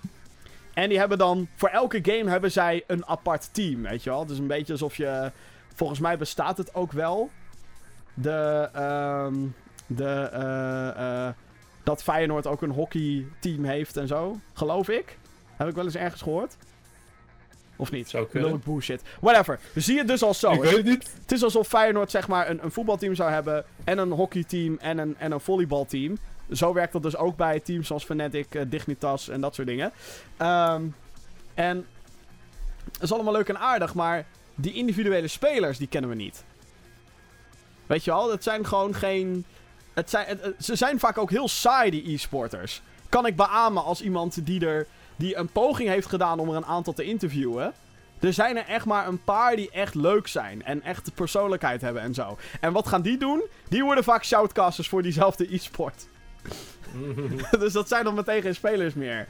Het is vaak soms zo cringe om te kijken naar, naar, naar interviews met e-sporters. Dat je denkt, jezus man. Je hebt net een match gewonnen, weet je wel. En dan zetten die shoutcasters dat super groot neer. Ja, en je hebt net een match gewonnen. Nou, hoe voel je? It felt great, you know. We, uh, we beat them. Ja, het is allemaal best wel awkward. Ja, het is allemaal best awkward. Dus dat moet, moet even wat tempo in. Het mag gewoon wat meer. Um, mag wat meer pit krijgen van mij allemaal. Maar wel op de manier dat het voor de normale mens toegankelijk is. Dat het wat mainstreamer gaat worden, inderdaad. Ja. En ik vind, ik moet wel eerlijk zeggen, ik kijk wel eens Heroes of the Storm uh, e-sports. En wat ik gewoon heel vet vind van die, uh, van die matches die ze daar vaak doen, is dat voordat een match begint, doen ze vaak nog een een, een schermpje van de map. Nou, op deze map gaan we spelen. En zoals je misschien weet, op deze map spannen twee grote motherfuckers. Degene die die grote motherfucker als eerste kapot maakt, uh, die krijgt zo'n grote motherfucker en gaat dan meepushen. Deze map heeft twee lanes, zoveel campjes en dat soort dingen. En dan krijg je een soort van recap. Oh ja, dit is Mhm. wat die map inhoudt. En dat, dat soort elementen moeten veel meer meegenomen worden in e-sports. Veel meer. Je moet er nooit van uitgaan dat mensen het al kennen. Want het dat al is, weten, inderdaad. ja, want dat is in Nederland, althans, is dat absoluut niet het geval. Met uitzondering Nee. van FIFA en Rocket League. Want die twee dingen zijn makkelijk genoeg. En in Rocket League en FIFA, daar zie ik voorlopig wel echt toekomst. Want dat zijn gewoon twee hele eh, populaire, vette games. Die makkelijk te volgen zijn als je kijkt. Ehm, en de rest wordt gewoon vaak al heel ingewikkeld. Ja, Street Fighter, fighting games. Maar ook daar denk je heel vaak van: oké, wat gebeurt er nou eigenlijk? Waarom verdedigt hij gewoon niet? Omdat ja, daar dan Hoe weer werken die controls? Wat Ja. gebeurt hier? Maar dat, eh, begin, begin simpel en breid daarna uit. Maar als je Nederland wil veroveren, doe het in het Nederlands. Maar goed, dat, eh, dat zou mijn ding zijn. En, oh ja, wat ik overigens ook tof vind, dat moet ik er ook wel even bij zeggen. Ik vind het altijd te gek als er in Pathé zo'n eh, showing is van een match. Maar hoe duur is dat? Het is 5 euro of zo? Met Unlimited erbij, hè? Fucking bullshit. Uh, nee, dat weet ik niet. Volgens mij nou, geldt het, niet. Je, betaalt iets van. Je betaalt, Volgens mij geldt het niet voor je, voor je, voor je uh, abonnementskaart. Zit gewoon compleet buiten. Maar dat doen ze dus wel eens bij Pathé hier in de buurt. Uh, in Rotterdam dan. Dat ze een StarCraft 2 match op een bioscoopscherm gaan uitzenden. En dat vind ik tof. Dan denk ik, yeah boy. Oké, maar hier, hier komt het hè. Hier komt het. Dan hebben ze een eSports live gebeuren gehad. Ja. Dit is wel volgens mij uit 2015. Dan betaal je dus uh, normaal PT-ticket, unlimited met een gold pass. Nog steeds 7,50 euro. En ik betaal een tientje als ik gewoon een PT-kaart heb. Dat is toch fucking bullshit? Dus dan betaal je dus ja, gewoon ja, het is... een dubbele prijs. Buiten, als het een film zou zijn, dan zou je dus eigenlijk meer betalen. Het is natuurlijk geen film, hè? Het is nee, oké, maar je, kijkt in een zaal, kijk je e-sports. En je betaalt gewoon, gewoon 10 euro. Want een film normaal gesproken zou kosten, zou gratis zijn met een, een goldpass. Nu betaal je 10 euro. Kom op man. Die prijzen zijn veel te hoog om mensen daar naartoe te trekken. Dat is wel waar, ja. Dat is wel waar. Uh, volgens mij, uh, nogmaals, niet om lullig te doen tegenover ESL Benelux. Want ik heb begrepen, uh, de foto's die ik heb gezien van het event, is dat het er gewoon super vet uitzag, maar dat er gewoon bijna geen hond was. Um, ja, ook daar kosten de tickets 20 euro. Super duur, man. Dat is echt duur. Dat is echt... Daar, de, gooi Mensen... er een tientje bovenop. En dan okay, zijn, 15 euro. En dan, zijn wij vaak al degene die, die, die, die, die klagen over een first look ticket, weet je wel? Over hoe duur dat wel niet is. Echt, hè? Ja. Dus het is een beetje... Ja, het is een beetje... En ik denk ook voor, voor nu, hè, als we kijken naar de nabije toekomst, ze moeten e-sports gewoon op een vette manier beter integreren in wat we al hebben. Ik vind een First Look Battlecon, ja, het was uitgestorven afgelopen jaar. Er komt een nieuw in 2018. Maar dat was wel heel vet. Dat was gewoon, ga tegen elkaar spelen en win een leuke prijs. Bij elke stand had je wel een prijs. Het uh, was de t-shirt bij de ene, het was een headset bij de ander. Deze van die kleine mini-toernooitjes. Wij hebben daar echt gewoon e-sport battle... De enige e-sport goede e-sport battleborn match ooit hebben wij daar meegemaakt op First Look Battlecon. Dat was te gek. En ik zoiets van, ja, dit, dit, dit, dit. Zo moet je het aanpakken. En dan heb je gewoon nog daar hadden ze ook een groot podium. Zet daar die pro-teams dan neer. Zorg voor een toffe line-up. Uh, zorg gewoon voor dat e-sport binnen First Look, uh, de normale editie, zorg dat, dat, dat daar iets gebeurt. Maar dan niet in de, in de zin wat ze laatst probeerden. Dat ze naast First Look ook nog eens een e-sports ding hadden. En dan moest je daar inderdaad weer een apart ticket voor betalen. Ja, dan jaag je mensen weg. Dan is het van doei. Jo. Dus ja. En dat, dat, is gewoon wat ze nog niet begrijpen. Ja. Ze moeten het gewoon wat meer samen doen. En je, ik was niet bij, bij Battlecon. Maar het zag er wel leuk uit. Het was echt, het was superleuk. Het was alleen uitgestorven. Er was gewoon bijna niemand. Ja.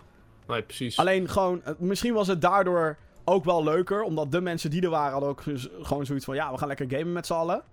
Ja, maar dat, dat, dat vond ik zo knap. Dat ze met een event waar bijna geen nieuwe games waren... Want hè, het was League of Legends, het was Street Fighter, het was Smash... Uh, zowel de Wii als de, of de, de Wii U-versie als Melee op de Gamecube. Je kan gewoon met oudere games, die kan je op die manier gewoon nieuw leven inblazen. Battleborn was dan nieuw daar. Ja, dat, ja. Dat, dat vind ik tof. Dan denk ik, yeah boy, yeah. Dat was echt leuk. Dus ja. Zeker, zeker. Ja. En ik denk ook gewoon dat heel veel mensen de waarde niet inzien van een uh, van een, een e-sports event. Waarom zou je in godsnaam... En dat snap ik ergens ook wel hoor. Uh, waarom zou ik 20 euro betalen om naar een e-sports match te kunnen kijken... terwijl ik dat ook gewoon thuis waarschijnlijk op een stream kan doen? Precies, en dat en is tuurlijk, je hebt, een dingetje. je hebt dingen zoals sfeer en hè, heel veel mensen gaan naar een voetbalstadion. Maar dat is dus het probleem. E-sports is nog niet zo groot genoeg dat, er, dat je gegarandeerd bent een leuke sfeer te hebben in een e-sports stadion. Nee, precies. Precies dus. dat. Ik moet wel zeggen dat ik de sfeer bij World of Tanks altijd wel heel leuk vond. De Grand Final. Ben ik nog nooit bij zo'n e-sports match geweest. Maar ook daar weer in de beeld is echt heel bombastisch ja. en gigantisch. Maar goed, dan heb je het ook meteen weer over de Grand Finals van World of Tanks. Dus alle teams ja, van over precies. de hele wereld zijn dan op één plek. En je hebt dan allerlei mensen van over de hele wereld die daar waren. En dat was heel vet. Dat was mijn eerste echte aanraking met e-sports ook. De World of Tanks Grand Finals van een paar jaar geleden. Dat was de eerste. En toen had ik zoiets van, oké, okay, dit is echt heel vet. Het is echt heel vet. En op Dreamhack geniet ik altijd volop van de e-sports. Ik ja, heb daar toen met... Uh, bijvoorbeeld. Ja, ik heb daar toen met Vincent heb ik daar uh, naar, hebben naar de Heroes of the Storm finale zitten kijken. Gewoon in zo'n zaaltje, zo'n klapstoeltje die echt, uh, dat je denkt, gadverdamme, maar reet zeer. Maar het was zo vet. Zo vet, maar ook gewoon door... Hé, je vindt de game, ik vind de game leuk. En dan zie je van die pro-players en die is van... Oh, wat doe je? Nee. En het was een fucking spannende match. En dat, nou ja, goed. Dat, dat vond ik te gek. Maar het is gewoon een beetje... Het moet... Weet je wel, in- in- zeker in Nederland... Het moet gewoon... Nee. Hou het... Keep it simple, stupid. Hou, hou het lokaal en go. Laat, Ja, laat, je laat je passie voor games spreken... In plaats van het geld. Ik denk dat dat een goede is. Want nu wordt er heel veel met geld gesmeten. Terwijl iedereen zoiets heeft van... Ja, het zal wel. Leuk. Maar... Het, het moet uiteindelijk om die passie gaan. Denk ik. Het gaat, Ja. het gaat natuurlijk om geld. Maar... Hè? Laat de passie Ja, maar spreken. geld moet niet voorop staan. Dat moeten ze niet zien. Je moet de passie zien. Ja, precies. Ja, laat de passie spreken en laat daarachter het geld rollen. Precies. Ik denk dat dat de beste conclusie is. Goed, Gesmeed worden. ehm, laten wij naar het gesprek van de dag gaan. Voordat we die gaan doen, ga ik even snel naar het toilet. Want ik moet echt heel nodig. God. En dan kan ik, eh, anders kan ik me niet meer focussen. Had dat gezegd, want had ik gewoon een mailtje... Had dat eerder gedaan, had ik gewoon een mailtje nog gedaan. Oh ja, ik dacht juist bij de overgang naar de volgende. Maar. Ik ben zo terug. Twee seconden. Ongelooflijk zeg. Midden in een podcast gaan pissen, dat kan toch eigenlijk niet, jongens? Goed, eh, als jij nog mailtjes hebt, eh, mail, eh, ja, mail dan. podcast.gamergeeks.nl Daar kan je alles op kwijt. Vragen, kwesties, dingen waar je het niet mee eens bent. Dat mag ook vooral. Ehm, en dan hoop ik dat we dat weer kunnen bespreken. Leuk onderwerp, dat e-sports. Laat ik dat even vooropstellen. Ik ben niet tegen e-sports. Sterker nog, ik vind het hartstikke leuk. Alleen, dan moet het wel een beetje goed aangepakt worden. Vind ik. Dan. Ehm, ja, we gaan naar het gesprek van de dag. En het gesprek van de dag is toch wel een vraag die ik ehm, heel vaak krijg. Ehm, namelijk de Steam Summer Sale. De Steam Sale is begonnen. En eh, dat betekent dat er ontzettend veel games in de aanbieding zijn op het digitale platform Steam. Dat is natuurlijk op de PC. En elke keer als er een Steam Sale is, krijg ik van mensen de vraag of het is onder een video, of het is op Twitter, of het is eh, in mijn Steam. Dat ik mensen krijg. Hey, Jim, wat moet ik halen? Wat moet ik kopen? Nou, om eh, daarin een hulpmiddel te leveren, gaan wij het er nu over hebben. Eh, ik heb een lijstje gemaakt met Steam deals. Waarvan ik zoiets heb van: oh ja, dit is misschien wel interessant voor jou om te kopen of te spelen. Kopen is leuk, maar spelen, dat is de bedoeling. En Jeroen heeft dat lijstje ook gemaakt. Dus zodra hij terug is van de play. Jeroen, afknijpen. Dan eh, kunnen we daarmee gaan. Ah, fuck it, ik ga er gewoon al eentje doen. Oké, eh, wat voor aanbiedingen raad ik dus aan in de Steam sale? Ik moet denk ik ook even benadrukken dat het voor iedereen een andere ervaring is. Kijk, ik, ik heb 500, ik heb 563 games in mijn Steam library. Vraag me niet hoe ik daar aangekomen ben. Eh, combinatie van Humble Bundles en andere Steam sales en dat soort dingen. Dus ik heb heel veel dingen al. Ik heb ontzettend veel games. Dus voor mij wordt elke Steam sale eigenlijk minder interessant. Omdat ik al zoveel heb. Maar dat geldt misschien niet voor jou. Dus let op dat eh, dat wat ik eh, heb opgeschreven, dat dat Steam sales zijn waarvan ik denk, sommige games heb ik al. Dat ik zoiets van ja, dat, dat is wel cool. Dat is wel cool als je die kan, eh, kan spelen voor dit cheap ass prijsje. Zo koekeloeren of Jeroen er al is. Jeroen? Ik ben er weer! Hallo! Yay, woehoe. Hartstikke Zo, leuk. Oké, ik heb net het principe van de Steam sale uitgelegd. mooi. Jeroen, wat is, jouw, wat is jouw algemene gevoel bij deze Steam sale? Ik heb net al gezegd, ik ben verwend. Dus voor mij is elke Steam sale wordt het eigenlijk steeds minder interessant. Nou, volgens mij had jij iets van 1000 games op Steam. Ik zit nog niet eens aan de... 563. Hoeveel heb je er? 563. 563. Zeg dat goed? Ik, Ja. heb er 132, dus dat zijn er een stuk minder. Maar toch heb ik het gevoel van... eh, nee, nee, nee. Er zitten een aantal games tussen waar ik heb van... Ja, leuk, hebben, hebben, hebben. Eh, maar er zijn er ook gewoon genoeg dat ik heb van... Ja, waarom? Ja, leuk dat je daar 5% van afhaalt, maar niemand wil die shit. Zoals de Call of Duty games, die elke keer... Ze gaan nooit onder de 50% die Call of Duty games. Nee. Terwijl ik denk, god, doe gewoon die hele oude Call of Duty's lekker voor 2,50 en dan koopt iedereen het. En dan, oh, denkt Activision ineens, geld? Wat, wat is dit nou? Wat? Je kan gewoon Ja. door mensen goed te behandelen, kan je geld verdienen? Hè? Nee joh, doe normaal. Doe normaal. Ja, weet, je wat, weet je wat het is? Is dat eh, vroeger had ik heel erg het idee bij, bij de Steam Sale van dan zat er altijd wel even zo één zo'n gigantische parel tussen die opeens 80% goedkoper was. En what the fuck gebeurt hier? Ja, de kortingen zijn wel minder heftig, moet ik zeggen. Ja. Als, Het is minder- eh, zie ik bijvoorbeeld Ori and the Blind Forest, de Div- eh, Definitive Edition voor een tientje. Ja, dat is maar het zeker waard. daar staat dan naast wel 50%. Ik bedoel niet om Ja, lullig te doen, maar hè, dat valt me wel op van deze teams. Het zijn niet meer de 75%, de 80%, de 90%. Het zijn er maar heel weinig games die dat hebben. Ja, ja. Dus dat is wel jammer. Oké, eh, ik heb, jij hebt ook een lijstje gemaakt, toch? Met Steam sales waarvan je Ja, denkt, hey, ik heb een aantal games hier. eh Eh, zal ik beginnen? doe je ding. De eerste die ik heb opgeschreven is Wolfenstein The New Order voor een tientje. Oh, ja, Vijf- dat is een mooie. 50% eraf. Eind dit jaar komt eh, de nieuwe uit. Wolfenstein 2, de nieuwe Colossus. Super veel zin in. Dit is de, eh, de voorganger daarvan. Super vette game. Misschien dat ik deze ook nog haal, want ik heb de nieuwe orde wel gespeeld, maar dat is op de PS4. Omdat daar toen geen PC-codes meer voor beschikbaar waren. Eh, maar ik heb hem met alle liefde gespeeld op de PS4. Ik heb die Old Blood, de soort van standalone expansion, heb ik wel op de PC gespeeld. Ik heb eigenlijk niet gezien hoe duur die is. Stein, die Old Blood. Die is ook een tientje. Oké, dat is het niet waard. Want die is wel echt significant korter. Maar de New Order voor een tientje. Ja. Heel vet. Hele vette game. Hele, gewoon super over de top shooter. Dual wielding assault rifles tegen nazi's in techs, mech suits. Wat wil je nog meer? Nou, en wat ik wel grappig vind, jij hebt het dus over net onder een tientje een game. En geen 90%. Maar dan zie ik bijvoorbeeld Borderlands 2, 75% ervan af. Hmm. Borderlands 2 is ook nog steeds heel goed. Ja. Eh, de En beste ik Borderlands Bioshock. Infinite, 75% ervan af voor 7 euro. Oh, hmm. Dat Hmm. zijn toch wel even mooie prijsjes. Ja, maar Bioshock is wel echt goedkoper geweest. Ja? Ja, veel goedkoper zelfs. Bioshock Infinite? Ja, Oh, oké. zeker. Maar ja, toch, hey, van 30 euro naar, naar 7,50 vind ik een goede deal. Ik zou gewoon de collection halen. Ik weet niet hoe duur die is. De... Sorry, de collection. Maar daar zou ik voor gaan. Oké, oké, oké. Is die überhaupt in de aanbieding, jongens? Bioshock. De collection. Ik vind dit eigenlijk nog een beetje... Nee. Nee, je kan hem gewoon niet eens apart halen op Steam. Bioshock de collection. Nee, ik vind, ik vind dat... Ik bedoel, don't get me wrong. Bioshock is eh, voor mij gewoon weer 60 euro nog een keer waard. Daar niet van.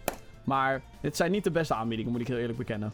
Nee, nee, nee. Er zitten wel een paar mooie tussen, maar het kan beter. Oké, ha- had jij nog iets... op- heb jij überhaupt een lijstje gemaakt? Ja, zeker. Oh, oké. nou, kom maar met eh, de eerste. Eh, Day of Infamy. Oké, en dat, wat was dat ook alweer? Eh, dat is een Tweede Wereldoorlog shooter, gemaakt door de mensen achter Insurgency. Oké. Ik weet niet of je die game kent. Als ik een screenshot zie, dan. ehm, Insurgency. Deze is redelijk is- nieuw, hè, deze game, die Day of Infamy. Ja, ja, Insurgency was een, eh, een shooter, een best wel realistische shooter. Eh, heel erg tactisch, in, die een beetje afspeelt in het nu. Laten we zeggen, een beetje Irak, Afghanistan. Oh ja, ik zie, ik, zie, ik zie inderdaad ook mee te En kijken. Ja, die game vond ik... Nou, ik zie nu dat hij voor 2 euro te koop is. Nou, dat is wel nice. Was ik heb hem hier voor gesproken maar 1 een tientje. 1,50 heb ik hem hier staan. Precies. Super nice. Eh, maar de makers daarvan, die hadden dus op een mod. Dat waren Tweede Wereldoorlog maps. Dus D-Day, Bestone. En dan ging je gewoon met Tweede Wereldoorlog wapens schieten. En die was heel goed ontvangen. Eh, weet je, ze hadden hem gewoon zelf gemaakt, zelf de maps. En toen dachten ze, ja weet je, fuck it, het wordt zo goed ontvangen. Dit gaan we gewoon een aparte game maken. En toen hebben ze daadwerkelijk ook gewoon een aparte game gemaakt. Rondom Insurgency, maar wel met nieuwe skins, nieuwe guns, eh, nieuwe UI, alles nieuw. En die hebben ze uitgebracht. En die wordt gewoon best wel goed ontvangen.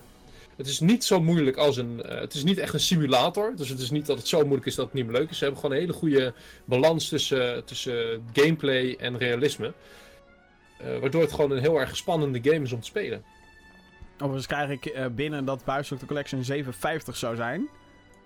Als dat zo is, dan, dan zou ik wel zeggen go, go, go. Alleen ik kan hem niet vinden als ik... Ik vind die zoekfunctie in Steam ook echt kut. Mag ik dat even zeggen? Tussendoor? Dat mag. Echt gewoon, het werkt voor de helft gewoon niet. Klote zoekfunctie. Maar oké, Day of Infamy is dus... eh, hoe duur is die? Eh, die kan je nu voor 12 krijgen, terwijl die normaal 20 is. Oké. Dus dat is al iets minder. Volgende game op mijn lijstje is Transformers Devastation. Oh ja, die zag ik voorbij komen inderdaad. 8 euro is die. Eh 80% ervan af. Dus normaal 40. eh, nu is die 8. Dit is een game van Activision. Eh, het komt niet heel vaak voor dat zij eh, zo'n dikke aanbieding geven op een game. Zie Call of Duty. Eh, en Transformers Devastation is echt te gek. Het is gemaakt door Platinum. Hadden we het eerder over. Nier Automata. En Bayonetta hebben ze gemaakt. En ehm, als je fan bent van Transformers, is dit de game die je moet spelen. Het is gebaseerd op echt die oude cartoons. En ehm, het werkt zo ontzettend goed. Het is zo ontzettend over de top. En het is zulke lekkere actie. Je bent dan aan het hacken met Optimus. En dan komt er zo'n. Dan ben je aan het dodge. En dan komt er zo'n ding in beeld van R1. Vehicle Smash of zoiets. En dan transform je in een, in een fucking vrachtwagen. En dan ram je iemand gewoon keihard. Grimlock zit erin. De T-Rex slash robot. Fucking awesome. En eh, de cartoony stijl werkt gewoon supergoed. Dit is echt een fucking vette game. Ja, nou eens. Goed, goed verhaal. Lekker kort. Ja. Next. Nou, ik, eh, het is een game die ik al heb. Maar ik had het net over Borderlands 2. Ik zie Mhm. bijvoorbeeld gewoon de Game of the Year Edition. Ik zei net die normale voor, voor 7,50. Maar gewoon een tientje voor alle DLC. Ja. Voor de game en alle DLC. En Oh, ik van, oh, hey, oh, dat oh. is een mooie deal. Ja. Sorry, sorry, sorry. Even tussendoor. Bioshock Collection zie ik hier staan. Ja. Voor 15 euro. Oh ja, ja, ik zie hem ook nu. Eh, Ja. 15 euro is fucking cheap voor drie fucking goede games. Met season passes en zo, de hele flikkers bende erbij. Oh, alle. DLC. Ja, dat is echt de hele collection is dat. 15 euro. Dat is fucking awesome. Dus, ja, ehm, zeker, zeker doen, zeker doen. Sorry dat ik even een afdwa, even een zijweggetje dan, maar... Yo, maakt niet uit. Ja. Moet je vooral doen. Bioshock The Collection 15 euro. Ja, ja, ja, ja, ja, ja, ja, ja. Oké, sorry. Ga door met de game waar je mee bezig was. Maar ja, dat was dus bij eh, Borderlands 2 de complete eh, collectie. Mhm. Of in ieder geval de Game of the Year collectie. Dus er zal waarschijnlijk niet alle DLC in zitten. Maar dan voor, voor een tientje. En denk ik, nou. Dat uh, En natuurlijk voor de mensen die Left 4 Dead 2 niet hebben gespeeld. En graag shooters willen doen. Die game kan ik ook echt aanraden voor 2 euro. Ja. Het is wel een oude game. Maar oh, wat heb ik daar een plezier in gehad. Eh, eentje die denk ik ook nog wel de moeite waard is om even te benoemen is Shadow of Mordor. De Game of Oh, the Year ja, zeker. Edition. Die is 4 euro. Dat is geen fucking geld voor zo'n fucking goede game. Echt, heel erg goed. Lord of the Rings game. Je speelt daar als een guy die heel erg lijkt op Aragorn, maar hem niet is. Eh, en hij wordt soort van possessed door een, een elven wraith. En ehm, ja, je gaat gewoon een beetje door een soort van Mordor, wat nog niet helemaal naar de kloten is, ga je heen. Een beetje orks slachten. Eh, je moet eh, van, die, van die camps overnemen. En er zit een systeem in dat heet het Nemesis systeem. En dat houdt in dat je, als je bijvoorbeeld een ork killt, die wordt dan dan ver- ver- verandert de rang van de orks, zeg maar. En je kan orks tegen elkaar opzetten, je kan orks possessen, zodat die facties tegen elkaar gaan strijden, als het ware. En als je gekild wordt door zo'n ork-leader, dan komt hij daarna terug. Of, en je gaat hem daarna nog een keer confronteren, dan wordt hij sterker. Ze kunnen dus ook levelen, al die orks. Ehm, en dan is het van, what the fuck, ik had jou toch al gekild? Wat? Ik kill je gewoon nog een keer. Eh, weet je, dat soort eh, dingen. Het is wel echt eh te gekke game. Het vervolg komt dit jaar uit, Shadow of War. En ik denk dat je voor 4 euro is dit, moet je dit gewoon spelen. Het is gewoon zeker cool om dat gewoon even te proberen. En even aan te voelen hoe die games gaan worden. Ja, het is, het, is, het, is een, het is echt een super geweldig spel. Het is echt, eh, gewoon blind kan je dit gaan spelen en ervan genieten. Het is gewoon, alles zit goed in elkaar. Het is wel één ding, als je heel ver komt in de game en daarna stop je ermee en daarna ga je terug, dan snap je er geen flikker meer van. Zo'n game is het wel. Je hebt echt 80.000 vaardigheden en denk je, what the fuck? Ik raak, ook, ja, ik, ik raak ook helemaal in de war als ik die gameplay zie van het vervolg, Shadow of War, die dus dit jaar uitkomt. Want dan zie je hem al die abilities gebruiken en dan denk ik, wat een clusterfuck. Maar in, in- als je die game gaat spelen, wordt het waarschijnlijk zo dat je eerst kan je dit en dan leer je dat en dan leer je dat allemaal en dan kan je dat overnemen. Dus, dus het zal allemaal geleidelijk gaan. Althans in Shadow of Mordor gaat het allemaal geleidelijk. Een andere game die ik ook heb opgeschreven is Fallout 4. Kost Is die een goede korting? 15 euro kost die. Eh, Oh, overigens is de hele Fallout franchise in de aanbieding. Dus ehm, als je echt old school wil gaan, dan kan je ook 1, 2 en 3 gaan halen. Eh, weet niet of 3 is wel inmiddels echt verouderd. En 1 en 2 zijn echt van die oude eh, isometrische games. Ehm, ik moet wel zeggen dat Fallout 3 en New Vegas zijn nog redelijk duur, zie ik hier. 10 euro. En Fallout 4 is 15. Ja, dat vind ik een redelijk goede deal. Hoeveel is de Season Pass? De Season Pass is 30 euro. Fuck that shit, mate. Fuck that shit. En ik dat heb is de met- game nog niet eens En dat is met een aanbieding, want normaal kost de Season Pass 50 euro. Ho, ho, ho. Ja, maar ik, ik, ik moet heel eerlijk bekennen, ik heb Fallout 4 eh, gespeeld en ik had daarna niet echt de behoefte om DLC te spelen. Nee, Dus- dat begrijp ik wel. Bij Fallout 3 krijg je overigens wel alle DLC erbij en bij New Vegas ook. Maar goed, die games zijn inmiddels wel dusdanig oud. Oud. 10 euro, ik had daar toch wel verwacht dat het iets goedkoper zou zijn. Maar misschien dat de base game goedkoper is dan de, dan de, de deal alles inbegrepen dingen. Wat me overigens ook opviel is dat Skyrim niet echt eh, heel goedkoop is dit keer. Nee, zeker de special edition niet. Nee, de special edition kost 20 euro. Dat, eh, ik zeg skippen. Als je echt Ja. voor de Steam sale shit gaat natuurlijk. En eh, eentje die ook in hetzelfde rijtje thuis hoort. Doom. De 2016 reboot. Game of the Year 2016. 15 euro. Ja, dit, eh, dat is hartstikke de moeite waard. En dan heb je ook nog de Doom 3 BFG edition. Die kost 5 euro. En dat is dan Doom 1, 2 en 3. Oké. Dus dat is ook meer dan de moeite waard. Dus eh Eh, ik heb ook nog een spelletje wat de moeite waard is. Ik heb er ooit een review over gemaakt. Firewatch. Firewatch. Die, die kan je voor 9 euro krijgen. Dus de helft Ah, ja. af, iets meer dan de helft. En die Hm. game is gewoon echt heel leuk. Als Ja. je van een beetje verhaal, avontuurtje houdt. Ja. Ik vond het echt genieten. Het is echt een even, even eh, ontspannen game, laat maar zeggen. Ehm, eentje die eh, ik ook nog interessant vond. Black Mesa is 8 euro. In de aanbieding. Dat is een remake van Half-Life 1. Een remake gemaakt door fans. Maar die wel officieel goedgekeurd is door Valve. De makers van, of althans, het bedrijf achter de Half-Life franchise. Eh, de game is nog niet helemaal af, moet ik erbij zeggen. Eh zit nog in early access. Ze zijn nog bezig om de laatste alien levels eh, af te maken. Die komen eind dit jaar uit. Hm, wel stoer. Ja, het is wel echt eh, dat ik denk, oké, dit is wel... Ik heb, ik heb hem gekocht zelf. Ik heb hem nog niet gespeeld. Want dit was voor mij het moment om hem nog een keer op te pakken. Dan een game genaamd Outland. Die is 99 cent. Ik moet heel eerlijk bekennen, ik had hier nog nooit van gehoord hiervoor. En ik zag het voorbij komen in mijn... eh, eh, hoe heet het? In mijn... eh, God, hoe zeg je dat? Recommendations en zo. En ik had zoiets van, oké, dit ziet er wel eigenlijk heel vet uit. Een soort van 2D, heel stylish puzzel, actie, platform. En het is gemaakt door de gasten achter Resogun, Alien Nation, Dead Nation en het onlangs verschenen Nex Machina. Zo had ik helemaal zoiets van, oké, dit ziet er wel heel vet uit. Super, super vet steltje is het.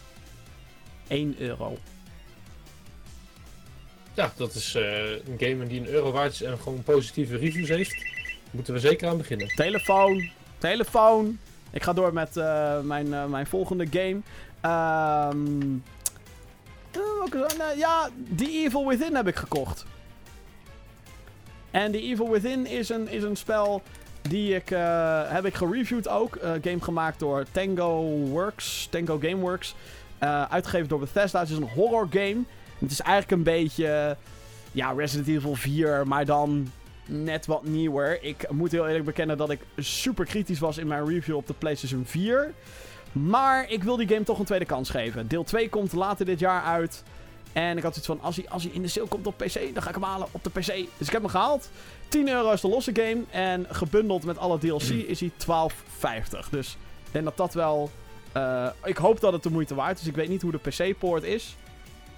Maar eh daar ga ik achter komen. Download is bijna klaar. Ja, en ik heb natuurlijk de allerbeste Steam Sale ooit gevonden. De Steam Summer Sale Sale. Oh jee. En als je die niet koopt, dan, ben je, dan, dan spoor je niet. Oh, oh shit. Ik zeg het wel vast. Oké. is echt de, de, Dit is like de, de grote aanbieding. Dit is de dit is grote grote klapper. aanbieding. En dat, dit is... Dat is namelijk een, een, een, een korting, jongen. Nou, nou, nou. Ik heb gratis game erbij en nog een giftcard van 50 euro. Dat is echt debiel. Maar wat is het? Nou, het is namelijk de HTC 5. Oh! De HTC Voor 5! 849 euro, mijn liefst. Met gratis verzendkosten. Dus dat is 50 euro korting, gratis verzendkosten, gratis game en nog 50 euro goedkaart. Nou, dit is gewoon de beste kortingsdeal ever. Dus... What? No money? Hier! Halen die shit! 850 euro kan je toch wel missen, jongens. Het is de Steam Summer Sale. Kom op. Jeetje. Eentje die eh, ik nog wel... eh, nou ja, als we, eh, ik bedoel, dit was een joke natuurlijk, jongens. 850 euro is gewoon nog fucking veel geld. Maar... Echt? Eentje die dan misschien wel interessant is. Ik zit er echt aan te denken om dit te gaan halen. Een Steam controller plus Steam Link is in de aanbieding. voor 50 euro. Oh. Eh, de Steam controller is dus een controller die speciaal gemaakt is voor Steam. Eh, het heeft een soort van, niet echt analoge sticks, maar van die cirkel dingen. Touchscreen, touchpads. Ja, en ik, ik, ik weet echt niet hoe dat werkt. Dus ik ben heel benieuwd. Nou, het werkt allemaal met Steam. Maar eh, waarom het van die cirkelpads zijn, is omdat je dan een beetje een muis zou kunnen. ehm, het effect van een muis zou kunnen nabootsen. Dank je, dat is het woord wat ik zocht. Eh, en de Steam Link is een super kek apparaatje. Dat is namelijk een dingetje die je aan je televisie aansluit. En ehm, die verbindt dan met jouw netwerk binnen jouw huis. En dan kan je dus op je tv, die connect dan met Steam op jouw PC. En die zegt dan, oké, ik stream de boel door. En dan kan je dus naar je televisie. Op je televisie kan je dan je Steam games gaan spelen. Met een Steam controller. 50 euro. Ik vind dat cheap.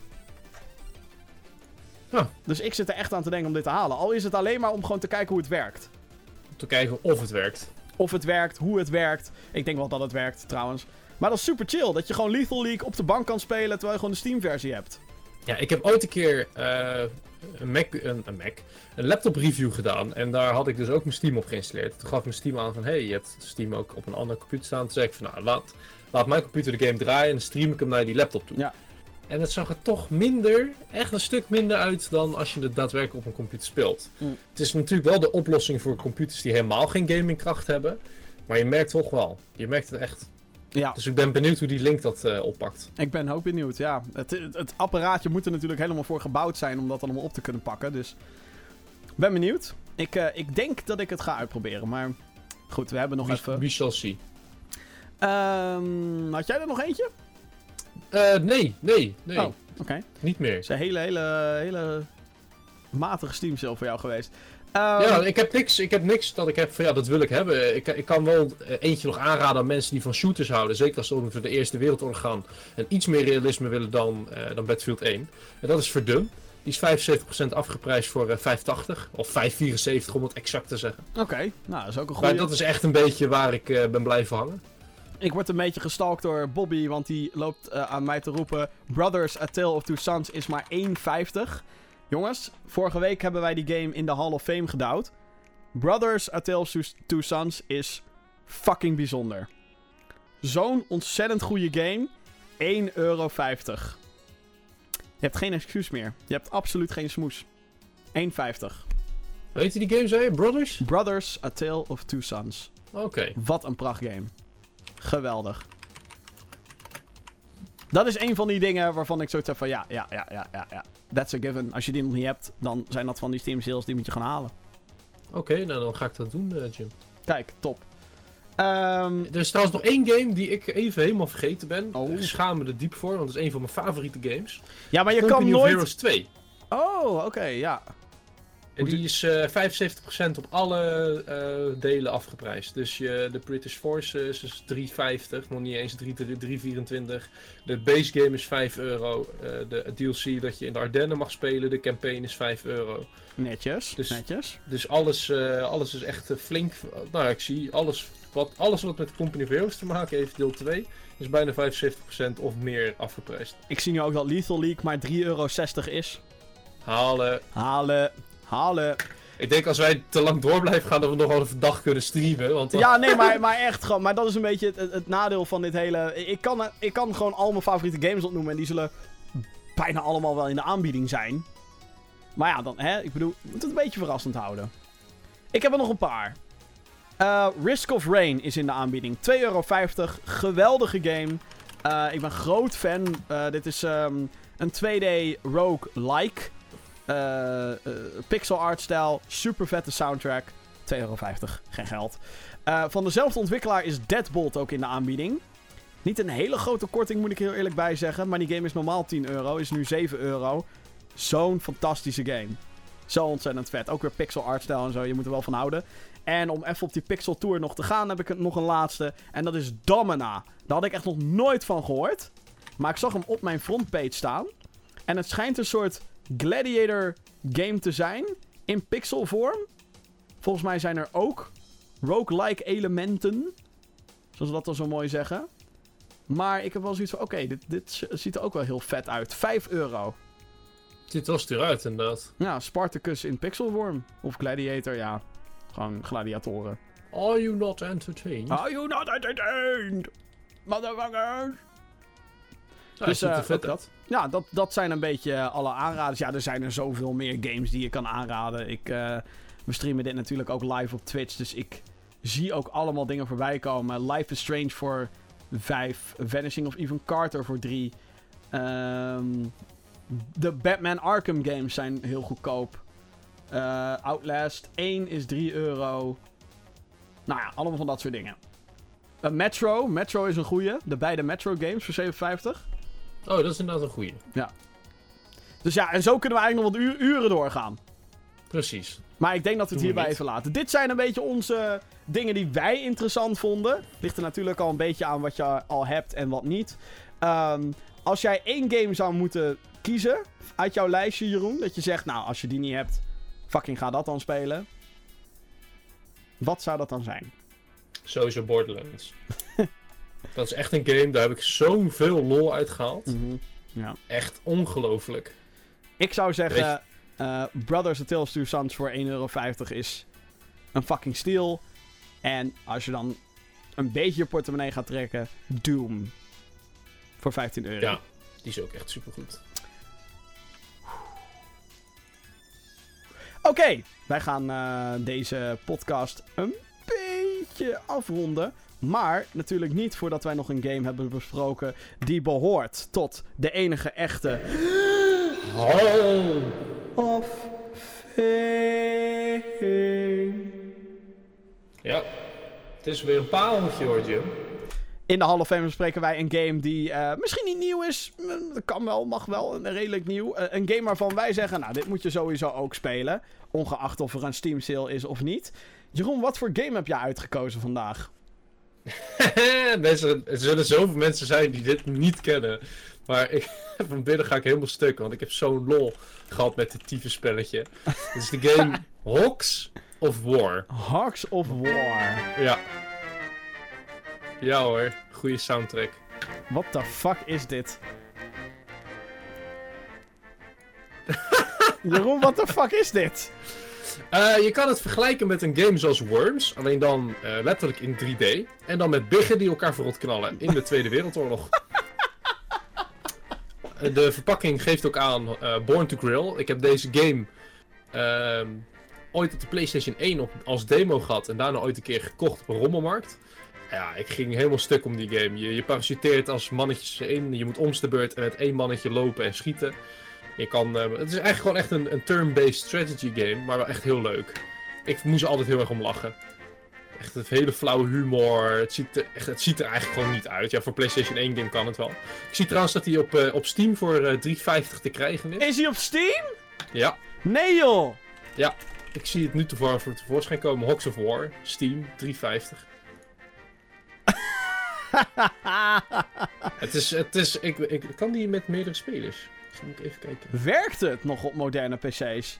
Ja.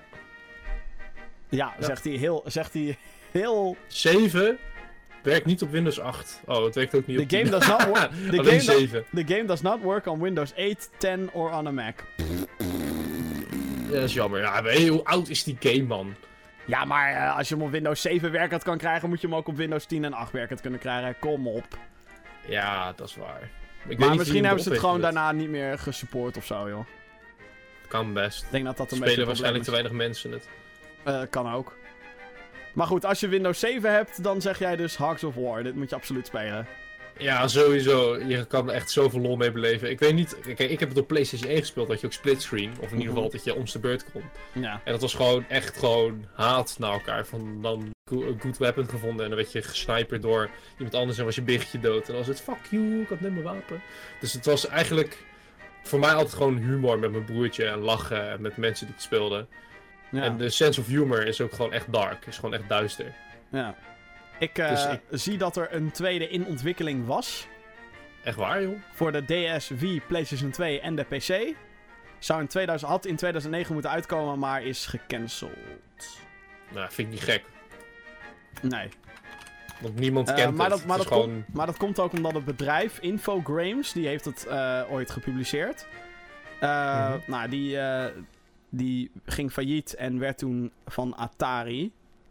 Eh, Oh. Het Atari wat nu eh, een beetje, ja, zal ik het zeggen. Het is niet echt een eh, geweldig bedrijf met heel veel goede games, laat ik het zo zeggen. Nee, precies. Nou, weet je, laat het zo zeggen. Het was toen de tijd omdat ik hem vond een geinige game, maar anders had ik hem ook nooit gevonden. Oké. Het is niet een game waar je echt bekend mee bent of zo. Het is iets wat je Nee. tegenkomt. En ik kwam er toen de tijd op een PlayStation 1 demo disc tegen. Ja, en ik ging gewoon helemaal stuk. En daarom zou ik, dacht ik van ja, die heeft wel een Hall of Fame verdiend. Want ik heb daar zoveel lol mee gehad in die tijd. Ja, die is het gewoon waard. Ja, top. Nou, leuke, leuke toevoeging voor de Hall of Fame in ieder geval. Gaan wij naar de releases. Want hey, het wordt al eh langzaam, van, lang, langzaam maar zeker tijd dat wij onze Steam sales even gaan spelen. Games. En Heroes of the Ja. Storm, potjes. Of Vaak. Heroes of the Storm inderdaad. Eh, en ja, qua releases, daar komt natuurlijk bijna geen fuck uit, want we zitten midden in de komkommertijd. Wel interessant. Get Even komt uit op de 26e van juni voor de PlayStation 4, Xbox One en de PC. Is een game gepubliceerd door Bandai Namco. Een soort van first-person shooter, thriller, horror game. Ehm, en eh, het was een game die eigenlijk eind mei al had moeten uitkomen, maar toen hadden ze besloten om het een maand uit te stellen vanwege de aanslagen in Manchester. Ehm, wat een, eh, een, nobel iets was. Of het echt effect heeft of zo op zo'n game, dat weet ik niet. Maar ehm komt morgen, of ja, op het moment dat we dit opnemen, komt morgen uit. De 26e is hij uit. Dan Elite Dangerous voor de PlayStation 4 komt uit op 27 juni. En ik dacht dat die game al lang uit was, joh. Ja, voor de PC is hij er wel al lang, maar voor de PS4 niet. Ja, maar daar sta je dan helemaal niet bij stil. En dan zie je zoiets in zo'n lijstje staan en Ja. heb je zo van, ja, is dat nou zo boeiend nog? Call of Duty Modern Warfare Remastered komt uit op de PlayStation Die 4, mogen ze in de 27 diepste juni. putten van de hel begraven. Check eh, de video op gaminggeeks.nl wat dat betreft. En op 30 juni Crash Bandicoot The Insane Trilogy. Waar ik me heel erg op verheug. Goede herinneringen. Ik heb hem gepre-orderd. Ja, ik hoop echt dat ze hem goed hebben aangepakt.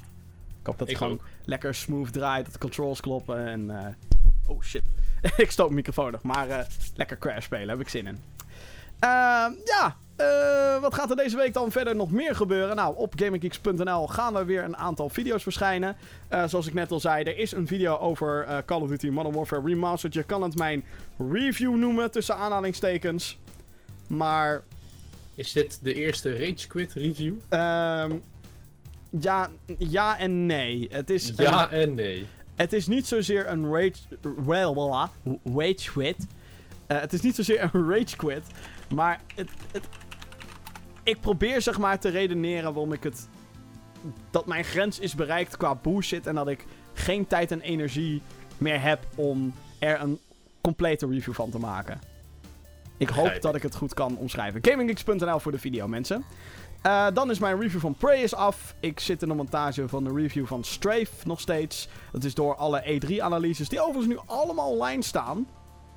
Allemaal. Ubisoft, Nintendo, Bethesda, EA, eh, wie mis ik? PlayStation, Microsoft, Xbox, Nintendo. Allemaal. Ze staan er allemaal. Checken. GamingGeeks.nl. En eh, jij hebt een PC-café klaarstaan. Yes. Hoe ik mijn eigen kekke pc'tje heb gebouwd. Check PC'tje G. En hoe doe je dat? Ja. Wat zit erin? Hoe je dat doet. Wat De- zit erin? Wat draai je vast? Wat draai je niet vast? Waar blijf je met je fikken vanaf? Zoals je op YouTube een thumbnail ziet met een lachende Jeroen. En daaronder staat de titel. Hahaha, word maar jaloers. Hahaha, moet je kijken. Hahaha. Paardenplet? Paardenplet. Dan is de, dat de video die we bedoelen. Nou, grapje. Het heet gewoon PC Café. Hoe bouw je een Big Spender PC? Big spender. Precies. En even een kleine disclaimer. Het kan altijd gekker en Het kan erger, altijd gekker. Maar er is een budget geweest. Jeroen en heeft- ik heb het zelf gekocht. Het is Inderdaad, ook niet gesponsord. hij, hij heeft maar vier GeForce GTX 1080 Ti's erin gebruikt. Ja, en nog een extra Titan voor alleen de physics. Het, had, het hadden er vijf kunnen zijn, maar nee. Het, het werd er vier. Grapje. Geintje natuurlijk. Maar, eh. Dat. Eh, ja, dat eh, kan je allemaal onder andere verwachten. Misschien nog wel verrassingen. Want hey, Vincent heeft een PlayStation VR. Daar gaat hij ongetwijfeld, eh, als hij weer aanschuift bij deze podcast, gaat hij er alles over vertellen. eh, over hoe die dat allemaal eh, gaat zien. Dus misschien zien we daar nog een video van en dat soort dingen. Ehm, ja, mensen. Dit was de Gamer Geeks podcast. Ik wil jullie heel erg bedanken voor het luisteren. Dan wel het kijken. Eh, elke week doen we dit natuurlijk. Ehm, dus eh, hou onze kanalen in de gaten. De Twitter, de, de YouTubes, de Twitches, de Facebooks. GamerGeeks NL of gewoon www.gamergeeks.nl. Dat is het adres waar je naartoe moet zijn. Als je vragen hebt... Mailen podcast.gamergeeks.nl. Daar eh, kan je alles kwijt. Jeroen, het was weer een waar genoegen. Eens gelijks, eens Laten we weer Beste laten heer we- Jim. Laten we weer snel een game gaan spelen. Want ik, het, het is bij mij helemaal niet Afkikverschijnselen. Ja! Moet Heroes of the Storm. Ja, moet, moet, moet, moet, moet, moet, moet, moet, moet, moet. Mensen, bedankt voor het kijken en wel luisteren. Tot de volgende keer. Hoi.